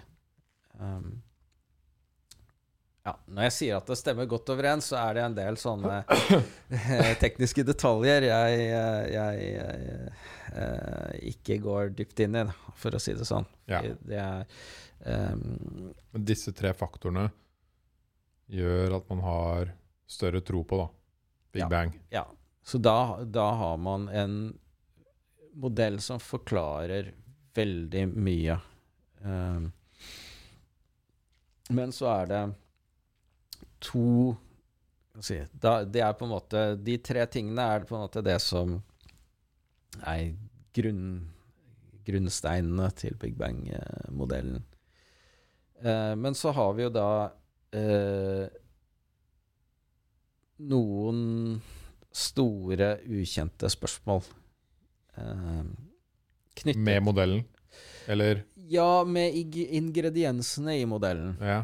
Eh, fordi eh, nå har jeg snakket om uh, atomer og atomkjerner og stråling osv. Og, eh, og dette er jo du kan si den type materie vi kjenner, altså vanlige atomer som vi har rundt oss, som vi består av. eh, som stjerner består av, som planeter består av. Men så- Gravitasjon. ja. Ja. Eh, men gravitasjon måler man også da eh, fra noe man kaller for mørk materie. Altså eh, Så hvis man f.eks. ser på hvordan stjerner beveger seg rundt i en galakse, eh, og så ser man på hvor mye hvor, mye, hvor mange stjerner som er i galaksen, og, og gass osv. Så, videre. så det, alt det sender ut stråling som man kan måle. Så man kan regne på hvor mye, hvor mye materie fins det der. Hvor mye masse er det i den galaksen. Uh, og da er det sånn at hvis man ser på stjerner helt i utkanten av galaksen, så vil, være, vil de bevege seg omtrent sånn som eh, ja, Selv hvis du har en sånn skive, da, en spiralgalakse, så går det jo i ikke helt sirkelrunde baner, men ikke så langt unna eh, rundt sentrum. Mm. Eh, så det er litt sånn som planetene beveger seg rundt sola i solsystemet. Og hvis du er i utkanten, så vil nesten all massen være innenfor. Og da tenker man at eh, hvis all massen er innenfor, så blir det sånn som eh, planetene rundt sola, at de innerste planetene de beveger seg veldig fort, sånn som Merkur eh, har en veldig høy banehastighet rundt sola. Vi, vi som er lenger unna, vi er litt lavere. Og så har du Neptun som er lengst ut, som beveger seg ganske sakte i forhold til oss rundt sola. Eh, og dette er liksom sånn helt fysikk som er kjent fra Newton, ikke sant? Eh, så dette er jo enkelt og greit å regne på. Men hvis du ser på stjernene i utkanten av en galakse, så beveger de seg ikke slik. Da vil man tro at ok, hvis du har en, en stjerne som er på en viss avstand, så har den en gitt hastighet. Hvis du, hvis du går enda lenger ut og ser på en stjerne som ligger enda lenger ute, så vil den bevege seg saktere. Og enda lenger ute så vil den bevege seg enda saktere. Men det man ser, det er at hastigheten endrer seg ikke. Nei. Så hastigheten er like høy på de som ligger lengst ute. De stjernene som ligger aller lengst ute, på de som ligger litt innenfor. Eh, og den forklaringen man har på det, eh, som er den foretrukne forklaringen i dag, det er at det er en veldig mye materie som man ikke ser. Det man kaller for mørk materie. Eh, og det er en type materie da, som ikke sender ut stråling på noen måte. Du kan ikke se det, du kan ikke måle det. Altså, du kan måle det indirekte ved å se på hvordan det påvirker Ja. ting du kan se. Altså gjennom Men du kan ikke måle selve materie. Bare kraften til det. Ja, du kan måle tyngdekraften, og Ja. hva den tyngdekraften gjør. Uh, og da kan man tenke seg at ok, men kanskje det bare er en type La oss si normal materie, da, men som eh, av en eller annen grunn ikke sender ut noe særlig mye stråling. Eh, men så er det jo det at Big Bang-modellen, blant annet, den sier jo noe om hvor mye Og den bakgrunnsstrålingen eh, Hvis man måler si, disse ujevnhetene jeg snakket om i bakgrunnsstrålingen, eh, så vil ujevnhetene være litt annerledes hvis det er mer, høyere tetthet av vanlig, vanlig materie, vanlige atomer. Eh, da ville hvis, hvis du kan si denne Hvis man skulle prøve å forklare denne mørke materien med at det bare er vanlige atomer som av en eller annen grunn eh, gjemmer seg, ikke sender ut noe lys som vi har klart å måle til nå, i hvert fall, Mm. eh, så ville dette mønsteret i bakgrunnsstrålingen sett annerledes ut. Eh, så det stemmer ikke helt. Um, så det man tror, da, er at dette er en form for materie, en form for partikler, da, antagelig, som ikke sender ut lys. Uh, og som ikke da er kjent i dag. Det er uh, type partikler som man ikke har klart å påvise, uh, altså f.eks. i CERN-laboratoriet, denne partikkelakseleratoren i, i uh, Sveits. Du klarer ikke å finne dette partiklet. Nei. Nei. Uh, Foreløpig. i- Foreløpig.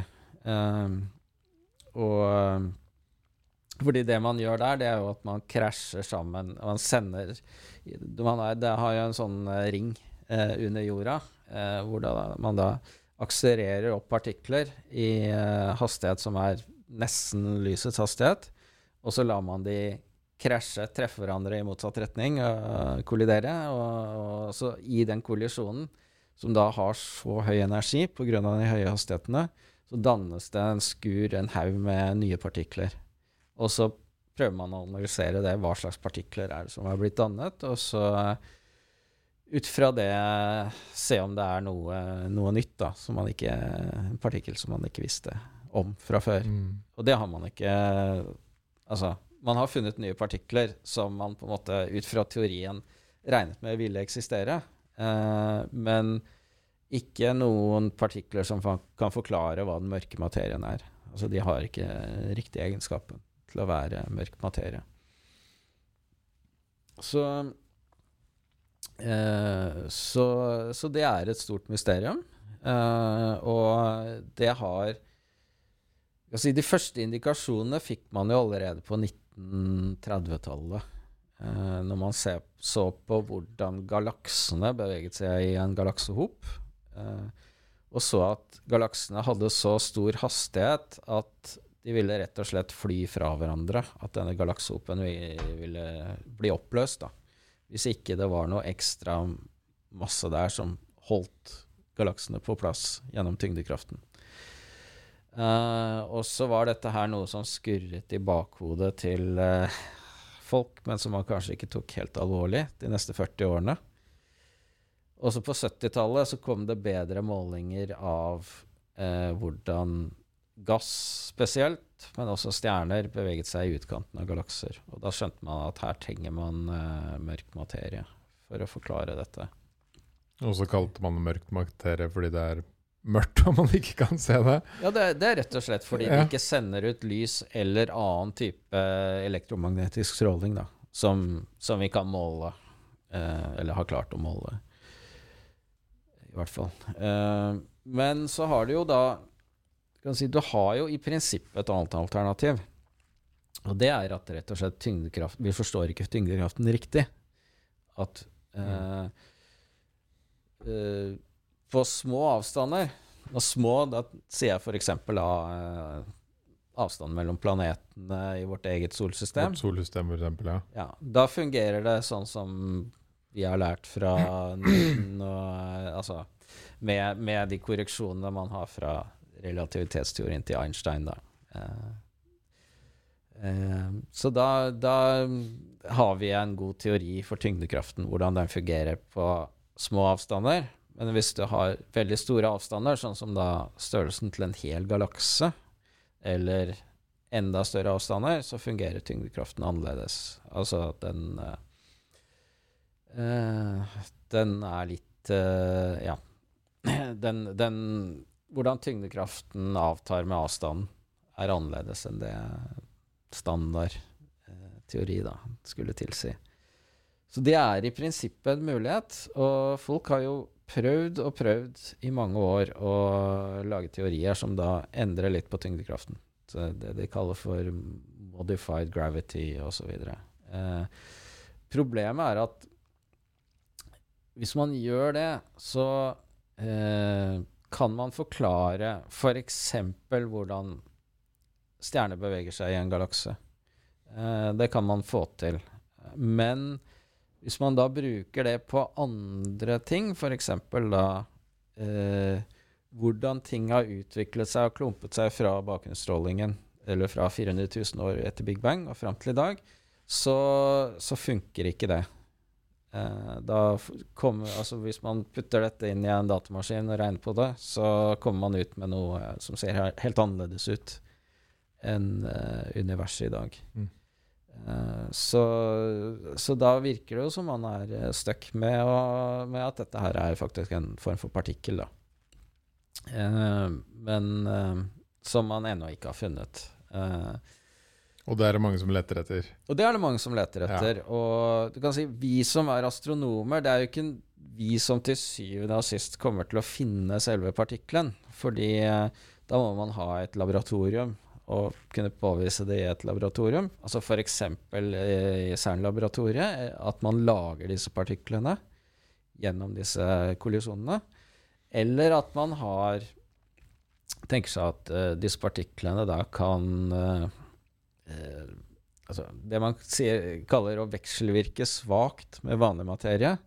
Dvs. Si at de en sjelden gang kan treffe borti et normalt atom, og så skjer det en reaksjon, og så kan uh, Da vil det atomet uh, ja. Utløse en reaksjon eller noe ja, som man kan måle? Utløse en reaksjon. Ja, for jeg så en eller annen dokumentar om en Jeg tror det var en kar som i 30 år hadde lett etter Ja. dette Ja. partikkelet langt under jorda. Ja. Med masse måleinstrumenter. Så sto han og venta hver dag på at noe skulle treffe disse måleinstrumentene. Så da har man rett og slett en diger tank med et eller annet under jorda, og så leter man etter at det skal skje en eller annen reaksjon som man måler, da. At det er ett atom i denne tanken som blir truffet, og, eh, som da eh, gjør en reaksjon som man kan måle. Det er jo faktisk veldig mystisk at det er noe så stort og kraftig og på en måte dominerende ute i universet som vi ikke kan se eller på en måte finne ut av hva egentlig er. Ja. Vi veit bare at det har en kraft. Ja, så det er jo Altså, den mørke materien, den er jo eh, Det er jo mye mer av den enn vanlig materie. Så du kan si av all materie som fins, så er det jo Så er jo den mørke materien kanskje 85 da. Eh, men, men man trenger da denne mørke materien for å forklare det man observerer. Så det er jo en, si, en hovedingrediens i denne standardmodellen eh, for universet, er at det finnes mørk materie. Eh, men så har du én hovedingrediens til, som er enda mer eh, mindre forstått. eh, som er enda mer eh, ukjent enn mørkmaterien, og det er det som er blitt kalt, eller som nå heter, eh, mørk energi. Ja. Og Nå går vi dypt inn i mørket. Ja, nå går vi dypt inn i mørket. Og du kan si mørk energi er kanskje eh, ikke så opplagt navn som mørk materie. Fordi mørk materie, det, er, det snakker man om Ok, da er det et stoff som ikke sender ut lys. Ikke sant? Det er greit. Men mørk energi det, Man ville kanskje ikke kalt det mørk energi hvis man ikke allerede hadde mørk materie. ikke sant? Ja. Eh, så mørk er jo i denne forstand kanskje mer ukjent. Eh, at det er det det betyr. Eh, men mørk energi er i hvert fall rett og slett det som trengs for å forklare at universet utvider seg fortere og fortere. Fordi det var Det, det kom som en overraskelse. Det målte man for eh, ja, eh, ja snart 25 år siden. eh, på slutten av 1990-tallet. Så man så på eh, Man målte ganske nøyaktig avstanden til galakser. Og så målte man eh, hastigheten. Og gjorde dette her på, med med galakser på forskjellige avstander. Og da så man at eh, universets ekspansjonshastighet, altså hvor fort galaksene beveger seg fra hverandre, eh, den øker. Altså Normalt sett så vil man tenke seg at eh, den isteden sakner. Eh, altså Det kan godt hende at Altså Man trodde jo da, og tror for så vidt fremdeles, at universet ikke vil si, bremse, bremses opp og snu og kollapse igjen. Eh, men at galaksene for alltid vil fly lenger og lenger vekk fra hverandre. Uh, men pga. tyngdekraften så tenker man jo at dette her går saktere og saktere. Uh, så det blir jo litt som at uh, hvis du skyter opp noe En rakett, eller for så vidt bygger en ekstremt kraftig kanon, skyter noe opp i været Hvis du har høy nok hastighet, så vil jo dette kunne unnslippe jorda eh, og bevege seg videre utover i universet. Men eh, den hastigheten vil jo ikke øke med tiden. Den vil jo fortsatt gå saktere og saktere. Litt saktere og saktere. Mm. Eh, men det var jo det motsatte man så med universet. Og da er spørsmålet hva er forklaringen på det? Eh, og man har eh, en del teorier, eh, og de forskjellige teoriene Ja, noen er enklere, noen er mer kompliserte. Men uh, si, no, det mest populære er jo knyttet til at si, du har en slags energi i det tomme rom, da, i vakuum, som virker frastøtende. Uh, du har en energi i universet som på en måte dytter ting fra hverandre og ja. får det til å ja.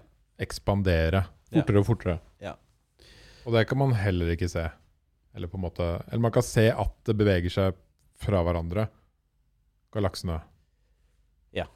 Man kan se at de bøyer seg fra hverandre. Kan, man kan måle da Du kan si Hvis man ser utover så ser langt på store avstander, så, så, ser man jo også tilbake i tid. Da kan man på en måte rekonstruere hvor fort da universet utvidet seg gjennom tidene. Da finner man ut at på et bestemt tidspunkt da for for eh, ja, eh, to-tre milliarder år siden, er det vel, så, så begynte denne mørke energien å dominere, slik at ekspansjonshastigheten da begynte å akselerere istedenfor Før det så, så, så uh, gikk ekspansjonshastigheten ned. Altså at uh, universet utvidet seg, men utvidet seg saktere og saktere, og så plutselig så begynner det å utvide seg fortere og fortere. Um, så, um, så det man tenker seg, er at hvis du har tomt Altså hvis, hvis, hvis, du bare har materie, så vil det jo være sånn at jo mer universet er utvidet, jo større avstand er det mellom galakser. Og da vil på en måte tyngdekraften mellom oss og en galakse et stykke unna vil jo etter hvert bli mindre og mindre, fordi den blir lenger og lenger unna. Uh, så til slutt så kommer det jo da til et punkt hvor altså, universet er nesten tomt, da, ikke sant? Fordi ja. Ja, alt altså, vil bare gå bort fra hverandre. Blir mindre og mindre og mindre. Uh, men så har du da med dette vakuumsenergien Så det er, det er, på en måte Når universet utvider seg, så det jo, blir det jo dannet mer og mer rom. Ikke sant? Og hvis eh, Og det betyr jo da at hvis man tenker at energitettheten, da, hvor mye energi det er per volum, eh, per kubikkcentimeter, eh, er konstant, så vil jo denne energien etter hvert ta over, da, i forhold til uh, altså, Fordi tyngdekraften gjør jo at tettheten av materie blir lavere og lavere, mens når det rommet utvider seg, så vil du jo få mer og mer rom, og med da en konstant energitetthet, så da vil denne ta mer og mer over da, i forhold til hvordan den påvirker hvordan universet utvider seg. Um, så um, så det man Og det, det ser jo ut som om målingene eh, stemmer veldig godt overens med dette at energitettheten i den mørke materien er konstant. Eh, og så det passer godt med at dette snakk, er snakk om en eller annen form for vakuumsenergi. Men så kunne man også tenke seg at dersom energitettheten øker eh, i denne kan si, mørke energien, uh, så vil det være sånn at da vil faktisk man komme til et, en tid Altså da snakker vi om kanskje hundrevis av milliarder år fram i tiden, hvor ekspansjonshastigheten går mot uendelig. Da vil det være sånn at altså Det er det man kaller for the big rip. da, At alt blir revet fra hverandre. Så til slutt så blir jo da galaksene revet fra hverandre, stjernene blir revet fra hverandre, ja, fordi atomene alt, blir alt revet fra beveger seg fra hverandre. Ja. Med, med, en hastighet som da går mot eh, si, eh, uendelig, da. Så, eh, Eh, så det er, en, det er et mulig modell, da. Eh, men eh, si, de beste målingene man har i dag, de er De klarer ikke å skille mellom et sånt alternativ, egentlig, og, og at eh, bare universet vil fortsette å utvide seg alltid, men at du aldri vil få en sånn uendelig utvidelseshastighet. Mm. Så Men eh, Men uh, vi vet jo ikke om disse, disse, er de riktige modellene. Nei. Så spørsmålet er liksom hvor, hvorfor dukker da denne mørke energien plutselig opp? Uh, ok, Hvis man forklarer det at dette er for, for vakuumsenergi, så, kan, så har den jo da kanskje alle, alltid vært der, men det er først når universet har utvidet seg så mye som det har gjort nå, da, at den virkelig begynner å ta over. At det er laget nok vakuum, eller nok tomrom, f.eks. Uh, altså, for å si det sånn. Uh, ja, for det er jo interessant som du sa, at den ikke hadde like mye dominans før. Ja. Tidligere universet. Nei. Ja, stemmer. Uh, så hvorfor slår de inn nå? Uh, altså Hvis det er vakuumsenergi, så stemmer det for så vidt. Men, men, man kan også tenke seg at ok, her har man på en måte en, en effekt, en kraft, som da virker i én fase av universets historie. Som da kanskje i en gang i en fjern, fjern fremtid vil virke annerledes. Um, så det minner jo litt om det jeg uh, da, da, endrer vi temaet litt, kanskje. Mm. Uh, men hvis vi går tilbake helt til starten av universets historie, eh, så snakket jeg om eh, ja, at det var en suppe av partikler og stråling, og så snakket jeg om denne kosmiske bakgrunnsstrålingen. Og at vi så ujevnheter, at vi ser ujevnheter i strålingen, som da er små klumper som da har blitt i galakser osv. Men uh, det jeg ikke snakket om, eh, som også er et viktig uh, spørsmål, det er jo hvor kommer disse klumpene fra i utgangspunktet? Hvorfor er ikke alt helt jevnt en suppe? Hvis det hadde vært helt jevnt, så hadde jo ikke vi sittet her. Nei. så hva er på en måte frøene til disse klumpene. Uh, og det skal si dagens uh, foretrukne, blant de aller fleste i hvert fall, uh, forklaring på det er at dette var noe som skjedde i den første bitte lille brøkdelen av et sekund etter Big Bang. Da hadde du en fase som uh, vi kaller for inflasjonsepoken. Uh, som ikke har noe med penger å gjøre. Men uh, hvor universet rett og slett ble blåst opp mye, mye kjappere enn en senere. Så universet utvider seg, men det utvider seg altså med eksponentielt, da. Altså det utvider seg ekstremt mye. I løpet av en bitte liten brøkdel av et sekund så ble et område på størrelse med en atomkjerne like stort som en hel galakse. Um, og så da har man For å forklare det, så må det jo være en eller annen slags kraft da, som slo inn. Først slo inn, og så slo seg av. Så det ligner jo litt på denne mørke energien. Da, som, altså Universet nå akselererer den uh, av en eller annen grunn. Uh, universet akselererer. Uh, da er det også en sånn uh, si, fysisk mekanisme som har slått inn, som har startet denne akselerasjonen. Da. det skjer i dag, og tilsvarende var det Altså, eller i hvert fall noe som ligner, skjedde, skjedde, da i det første brøkdelen av et sekund. At det hadde denne ekstremt raske ekspansjonen. Så det kan liksom være forskjellige nivåer av utviklingen av universet. Så forstår vi kanskje ikke helt hva som skjer nå. Det kan være det, at det er en kobling der som er dypere enn det vi har skjønt mellom eh, epoken i dag og den veldig, veldig tidlige fasen. Men det som skjedde da, det er at når universet utvider seg så fort, eh, så har du at eh, vakuum, altså det tomme rom, er jo I kvantefysikken så er ikke det helt tomt. Nei.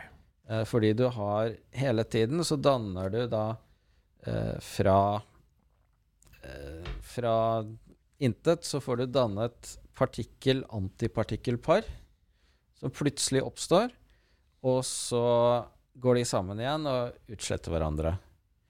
At dette hele tiden skjer. At du får dannet sånne I et vakuum. I et som man egentlig skulle trodd var helt Ja. tomt og dødt. Ja, stemmer.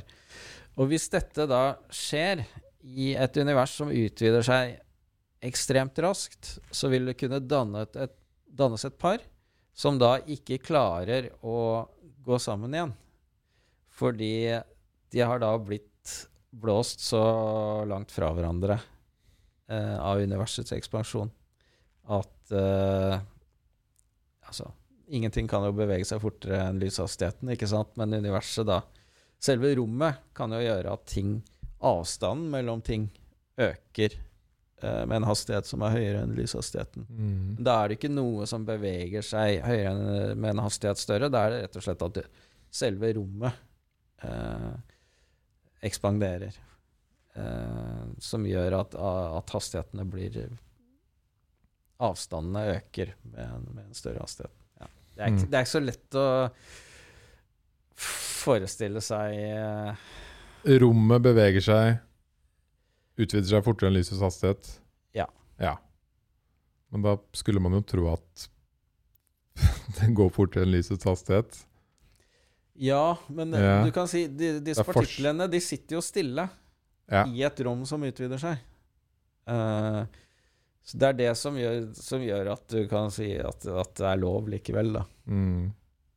Uh, så Men, uh, men det det betyr disse- jo da at, at når du får dannet disse partiklene, og så blir de så langt unna hverandre at de ikke lenger kan nå hverandre, så blir du jo da sittende igjen med disse partiklene.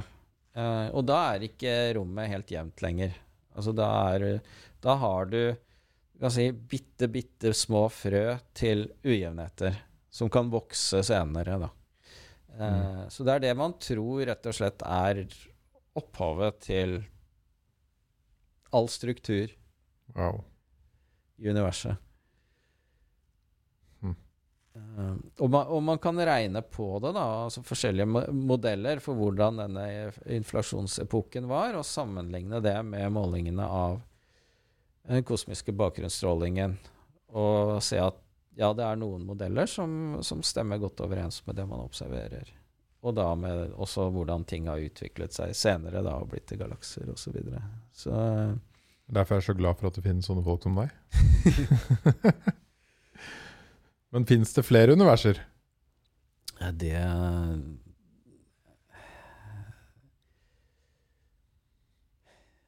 Det er vanskelig å si eh, svare ja eller nei på. Altså, Ja, det er veldig mange av de tingene vi har snakka om i dag som eh, er vanskelig å si ja og nei til. da.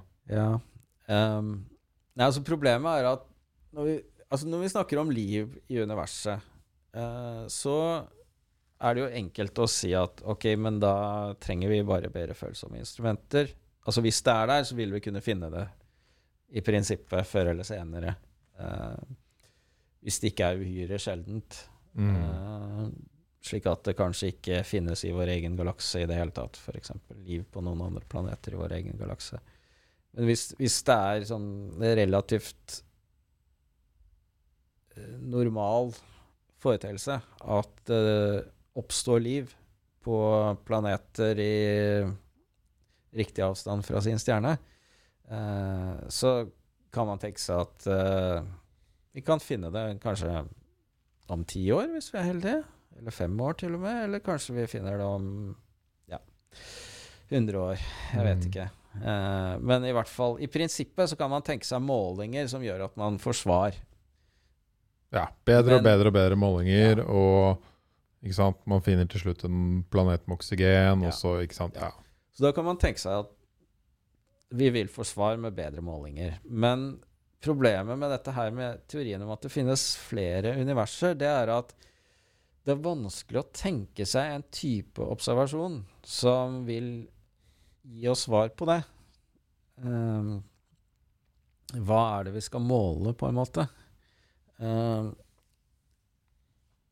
altså det at si, universet har gått gjennom denne inflasjonsepoken, da, eh, hvis den har gjort det eh, Foreløpig så har vi jo bare du kan si, en teori som stemmer veldig godt med det, alt som har skjedd senere, og det vi måler i dag. Eh, men vi vet jo ikke om det er den riktige teorien.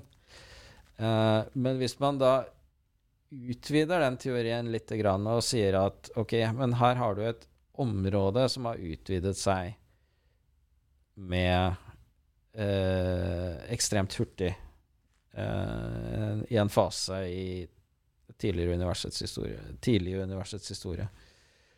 Um, og uh, som da har vært opphav til og dette om, alt vi ser rundt oss i dag. Og at dette området som utvider seg eh, veldig kjapt, eh, veldig hurtig, tidlig i den første brøkdelen av et sekund, det er mye større enn det vi klarer å observere. Men det er likevel kanskje bare et område i noe som er enda, enda større. større. Og det som er enda større, kan ha andre områder som plutselig da utvider seg kanskje til andre tider, og på andre måter utvider seg tilsvarende. Og da blir det på en måte en slags uh, Og da blir dette på en måte Ja Det vi kan kalle et multivers, da, ikke sant? Mm. At hver som boble som plutselig begynner å utvide seg, det blir et, et univers. Også, men, det blir som et brett med rosinboller, da. Ja, som, På den enkleste mulige måten, hvis man skal forklare det. Ja, ja. Så, eh, så du kan lage en teori som på en måte Hvor du baker inn alt dette. Ja. Eh, og som eh, ja, er forenlig med alt vi observerer. Men det er veldig vanskelig å teste den. Ja. Altså det å se denne andre boblen da, som uh, utvidet seg et annet sted, uh, det uh, er det litt vanskelig å tenke seg hvordan vi skal påvise, da. Mm. Fordi ikke sant, Du sa uansett hvor vi ser rundt oss, ut av jorda, så ser man jo tilbake i tid. Mm. Og så ser man dette røde som snakka om uh, tidlig, tidlig delen av universet. Mm. Og utenfor der igjen er det helt mørkt.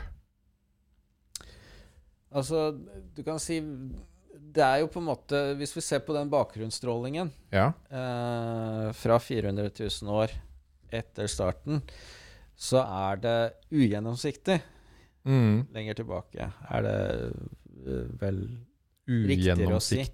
Altså det blir, på en måte, det blir på en måte som Når vi ser på den bakgrunnsstrålingen, så blir det på en måte å se opp på himmelen når det er skyet, og se på undersiden av en sky. Uh, vi vet at det er mer sky enn bare den overflaten vi ser. Undersiden av skya. Mm -hmm. men vi klarer ikke å se det. Vi klarer ikke å se gjennom den? Eller? Vi klarer ikke å se gjennom den. Ja. Så det blir litt sånn med det som er tidligere da, enn kosmiske bakgrunnsstrålingen. Det som er lenger ute enn den. Fordi kan man i teorien Ikke i teorien, men kan det være at man kunne sett forbi det noen gang? Uh, ja, eh, faktisk. Fordi ja. eh, i disse kjernereaksjonene, sånn helt de første minuttene, så blir det også dannet en type partikkel som kalles for nøytrinoer. Um, Nøytrinoer har den egenskapen at de kan passere tvers gjennom uh, vanlig materie, altså tvers gjennom jordkloden, uten at de uh, blir stoppet av vanlig materie. Uh, så disse Så man har rett og slett som, På samme måte som man har en bakgrunnsstråling av lys, da, som Altså, vi, vi observerer det som mikrobølgestråling, men uh, i starten så var dette her lys. Synlig lys. Um, men man har en, denne bakgrunnsstrålingen av elektromagnetisk stråling. Og så har man i tillegg en sånn bakgrunn av nøytrinoer fra eh, da de første minuttene av Big Bang. Eh, og den er det jo i prinsippet mulig å måle, men det, vil, det er langt utenfor det rekkevidde for du kan si, våre instrumenter i dag. Um, vi kan måle innholdet av nøytrinoer i eh, universet indirekte. Uh, ved å se på hvordan uh, galakser klumper seg, f.eks. Som vi ser ut 13,8 milliarder år, så er det som en sky da, som vi ikke kan se gjennom Ja. rundt oss. Ja. Hele veien. Ja. Det stemmer. Så du kan si for å, for å si noe om hva som kom før det, så har vi da altså eh, Noen metoder er jo da å måle eh, mengdeforholdet med det, mellom de forskjellige grunnstoffene som ble dannet enda tidligere. Eh, og så kan vi se på si, disse ujevnhetene i denne bakgrunnsstrålingen. eh, og prøve å tolke det for å si hva som skjedde før. I et multivers kunne du kanskje sett forbi den skyen og ut. Um, jeg tror det ville vært Jeg ser ikke helt for meg hvordan det ville foregå. Um, altså, det er noen modeller uh, hvor man tenker seg at um, det kan hvis, hvis man har flere universer i du kan si tilgrensende universer, at det på en eller annen måte vil kunne lage et avtrykk i denne bakgrunnsstrålingen. Eh, men eh, eh, det, det har man ikke sett noe tegn til Nei. til nå. Det, er no, det er noen som har påstått og, og har funnet et mønster, men så er det andre som uh, Blant annet kolleger i Oslo som er eh, veldig langt framme når det gjelder å tolke denne bakgrunnsstrålingen, som har gått grundigere inn i det og sett at uh, det, det stemmer ikke, det signalet. De, Mm. de eh, trodde de så. så Ok, Håkon. Men du Altså, for, for de som ikke veit det, da. James Webb ble skutt opp for Når var det nå? det var første juledag. Første juledag. Ja. Så det er to Og har vært gjennom en spennende prosess med Det er jo et ekstremt avansert instrument og teknologi og teleskop og hele pakka. Ja. Det var det sto der eh, Tatt ca. 30 år å utvikle noe sånn. Nja, altså 26-28 Altså selve Du kan si Ideen om et sånt stort infrarødt romteleskop kom på midten av 1980-tallet, og så var det en workshop i 1989 som begynte liksom å gå Ja. litt uh, lenger uh, Få konkretisere dette, men liksom i sin nåværende form så Og selve byggingsfasen, det er sånn litt inn på 2000-tallet. At man virkelig satte i gang Mm. å bygge, bygge hardware, da.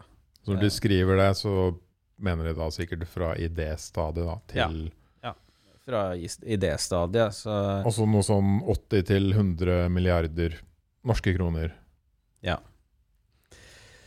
det er det. Så eh, det Det er verdt penga.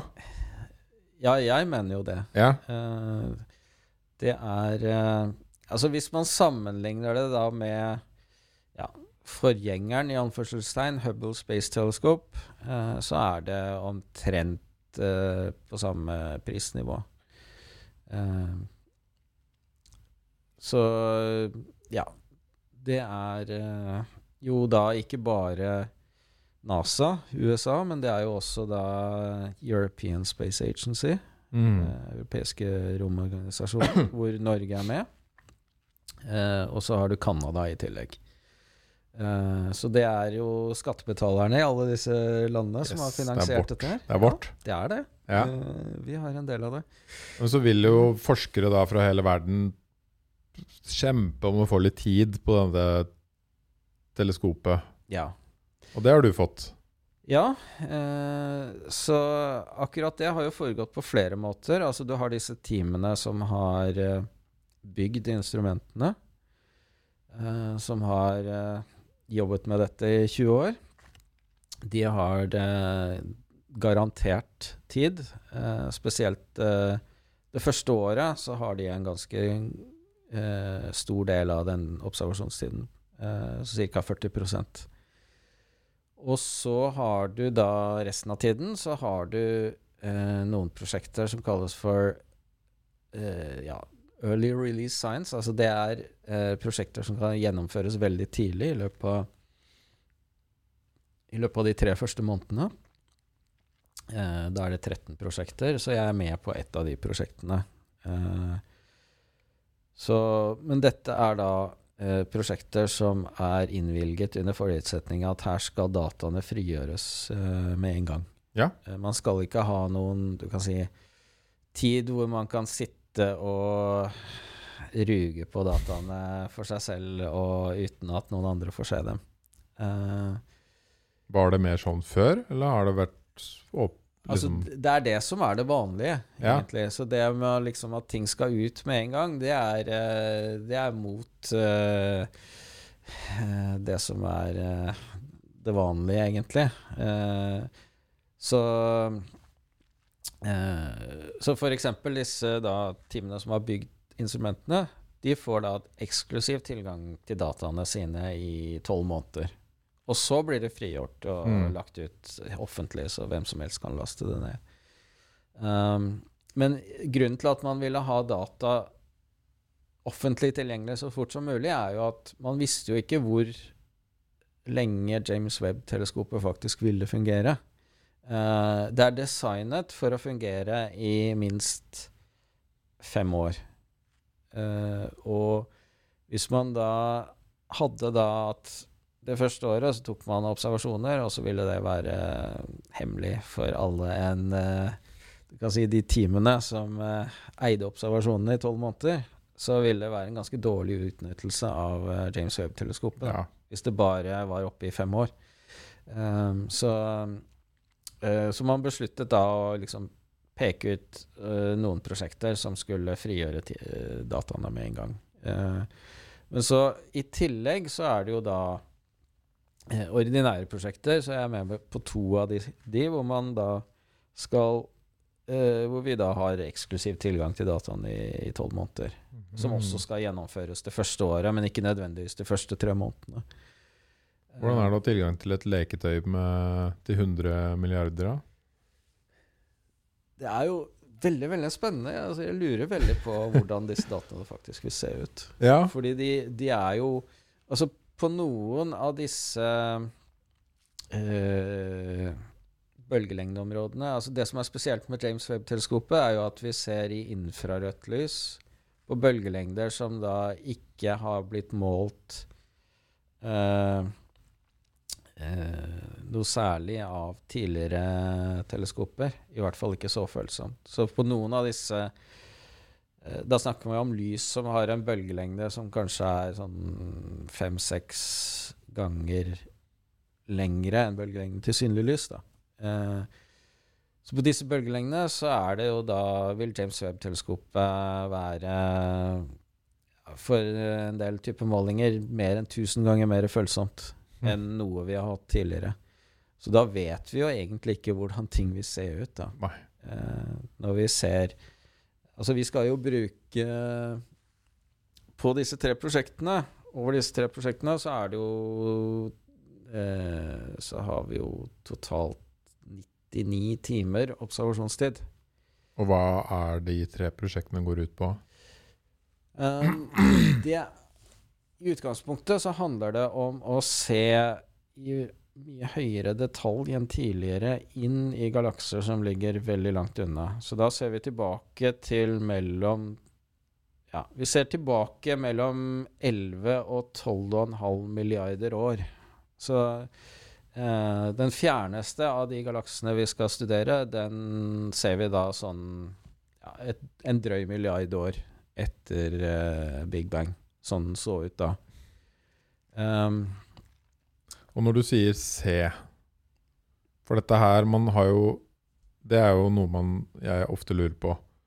Du har jo disse fantastiske Hubble-bildene, ikke sant? Ja. Og så sier du se, ja. og så lurer jeg på da Hva mener du egentlig med å se? Hva er det du ser på? Ja, eh, vi kommer til å ta pene bilder, Ja. sånn som eh, ja, Hubble-teleskopet har gjort, men på andre bølgelengder. Eh, og til dels litt skarpere. Og så kommer vi også til å måle spekteret.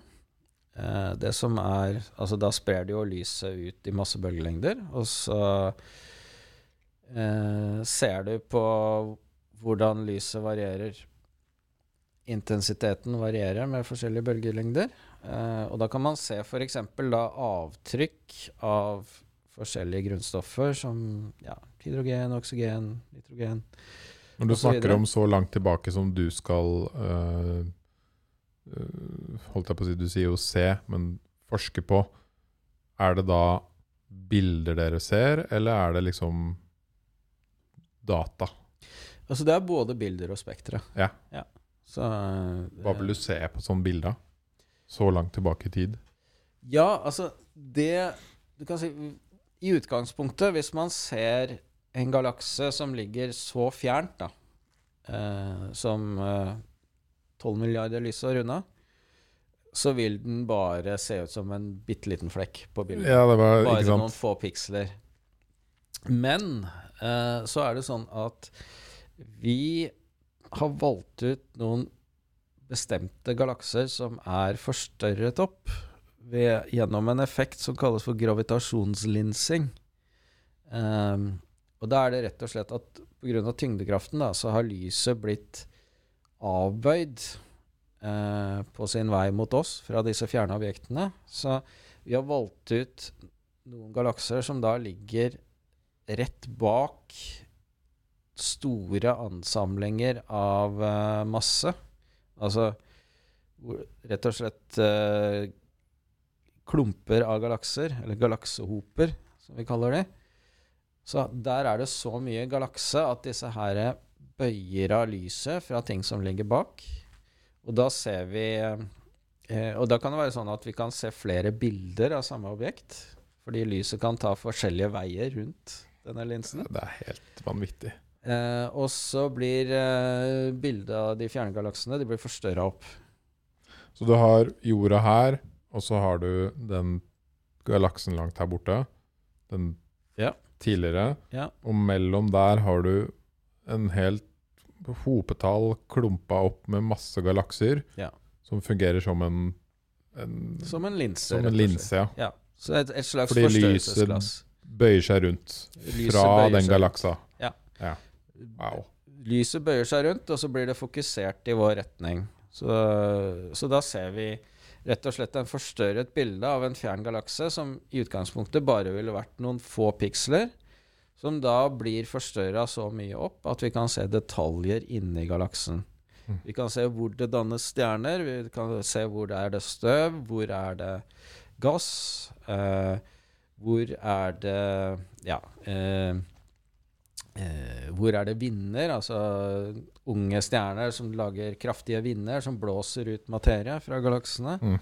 Eh, vi kan se detaljer da av de fysiske prosessene i disse galaksene som vi ellers umulig kunne ha sett da, Mm. av denne forstørrelseseffekten.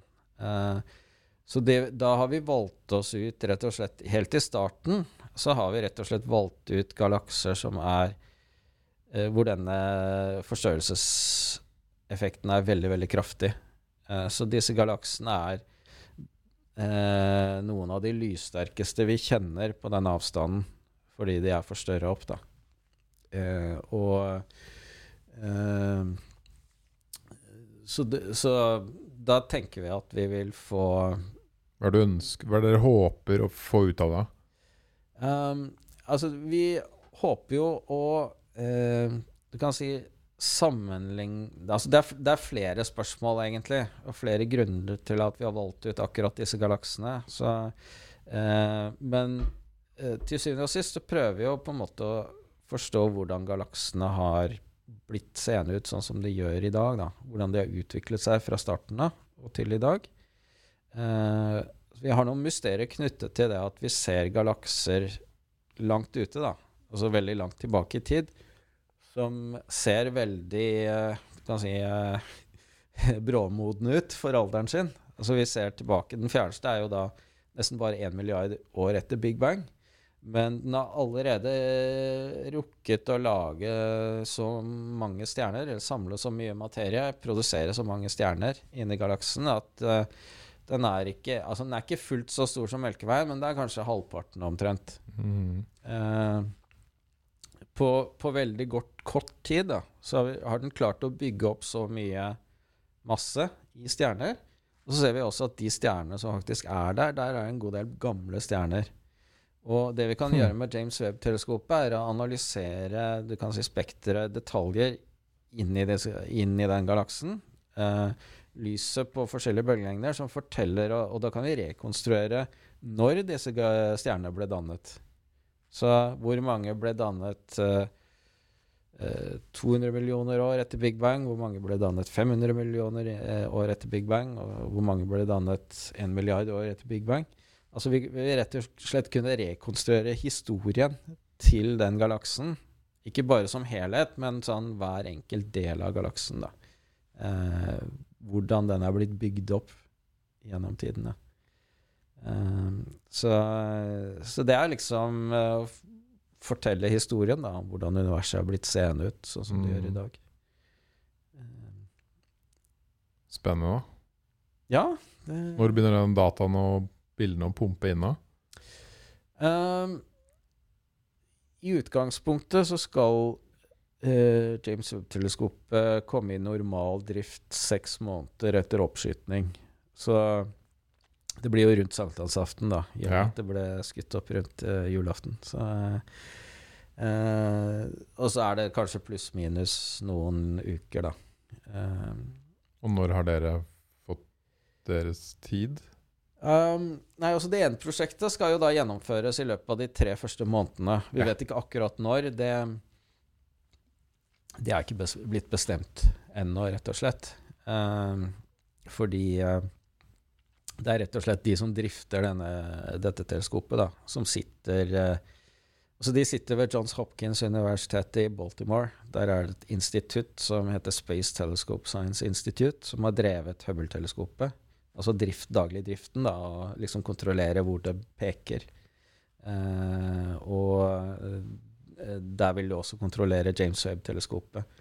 Så det som vanligvis skjer, er at man på en måte lager en sånn plan for året først, og så får man en sånn tentativ beskjed om at dine observasjoner vil bli tatt den og den eh, i, i, det og det intervallet, da. Eh, sånn mellom eh, oktober og november, f.eks. Altså. Mm. Ja. Eh, og så lager de en mer detaljert plan sånn for et par uker av gangen.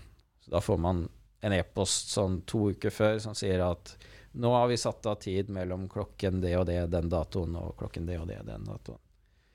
Uh, og så får man en e-post når det er ferdig, og nå kan du laste ned. Da kansellerer du vel ukas møter? Nja, altså man, Ja, man eh, Da, da bør man rydde av tid for å se på det når dataene kommer ned. Ja. Uh, Gleder teamet seg, eller?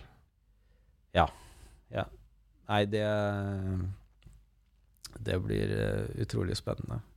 Og så er det jo det at fordi man på en måte aldri har hatt så dype, detaljerte målinger og bilder på disse bølgelengdene, så er det jo veldig rom for overraskelser. Ja. Eh, og det vi gjør, er jo I og med at vi ser på disse her super eh, Disse gravitasjonslinsene da, der ute, eh, så er det jo ikke sånn at Det er jo ikke bare den galaksen vi er interessert i, som blir forstørra opp. Det er jo alt annet. Mm. så dette er jo noen av de beste områdene å lete etter ting som ligger enda lenger unna, som vi ikke kjenner i dag, ikke sant, og se enda lenger tilbake i tid. Så et av håpene med James Wade-teleskopet er jo på en måte at vi skal se helt tilbake til de aller første galaksene som ble dannet kanskje 100-200 millioner år etter Big Bang. Eh, og noen sånne gal gal galakser kan jo da dukke opp i noen av disse bildene, ikke sant? At vi ser de. Eh, så Noen av de første galaksene i universet. Ja. Så eh, det er jo eh, veldig, veldig spennende, fordi det er, ikke, det, er ikke, det er ikke sånn at vi vet akkurat hva vi kommer til å se. Det er ganske stort sprik i uh, forskjellige modeller, forskjellige teorier, for akkurat når ble de dannet, hvor store er de, hvor klumpet er de første galaksene. Um, så, eh, så det er liksom bare å, å vente og se. Hvordan ser dette her ut, altså? Det blir spennende. Det, føler man at det er mye overraskelser der ute innenfor mange av disse observasjonene som kan komme? Ja, det tror jeg. Ja. Det er eh, Altså, kan si det historien har lært oss, er jo at hver gang man på en måte bygger et nytt instrument som, er klar, som klarer å gjøre målinger som er veldig mye mer følsom eh, enn alt som er tidligere, ti, som alt som er gjort tidligere, og særlig på et litt annet bølgelengdeområde, så vil man jo alltid finne overraskelser. Altså. ja. Det er liksom alltid noe man ikke har tenkt på som eh, dukker opp. Utrolig spennende. Jeg gleder meg til å du må, du må prøve å komme tilbake hit etter du har fått dataene dine og sett på bildene en gang. Ja, det Det hadde vært gøy å høre hva dere har funnet ut og lært. Ja, det kan jeg gjerne snakke om. Ja. Det blir kjempespennende eh, år for dere, da. Det gjør det. Mm. Uh, så Nei, altså, det, du kan si eh, Vi vet jo ikke akkurat når eh, på året alle disse observasjonene blir gjort, så det kan jo være noen blir tatt i, eh, denne sommeren, og noen blir tatt eh, neste sommer, da. På slutten av det første året. Wow. Takk for eh, all denne veldig interessante informasjonen om universet, da. Og mysteriene der Ja. ute. Takk for at jeg fikk komme. Det var Ja. Ja. fint å være her. Jeg ønsker deg og teamet ditt masse lykke til Tusen takk. med tiden som kommer. Og det blir kjempegøy å, å høre hva dere lærer. Og jeg håper jo at vi finner ut masse nye spennende overraskelser. Det tror jeg jeg kan love deg at vi gjør. Ja, kult. Tusen takk, Håkon Dale. Bare hyggelig.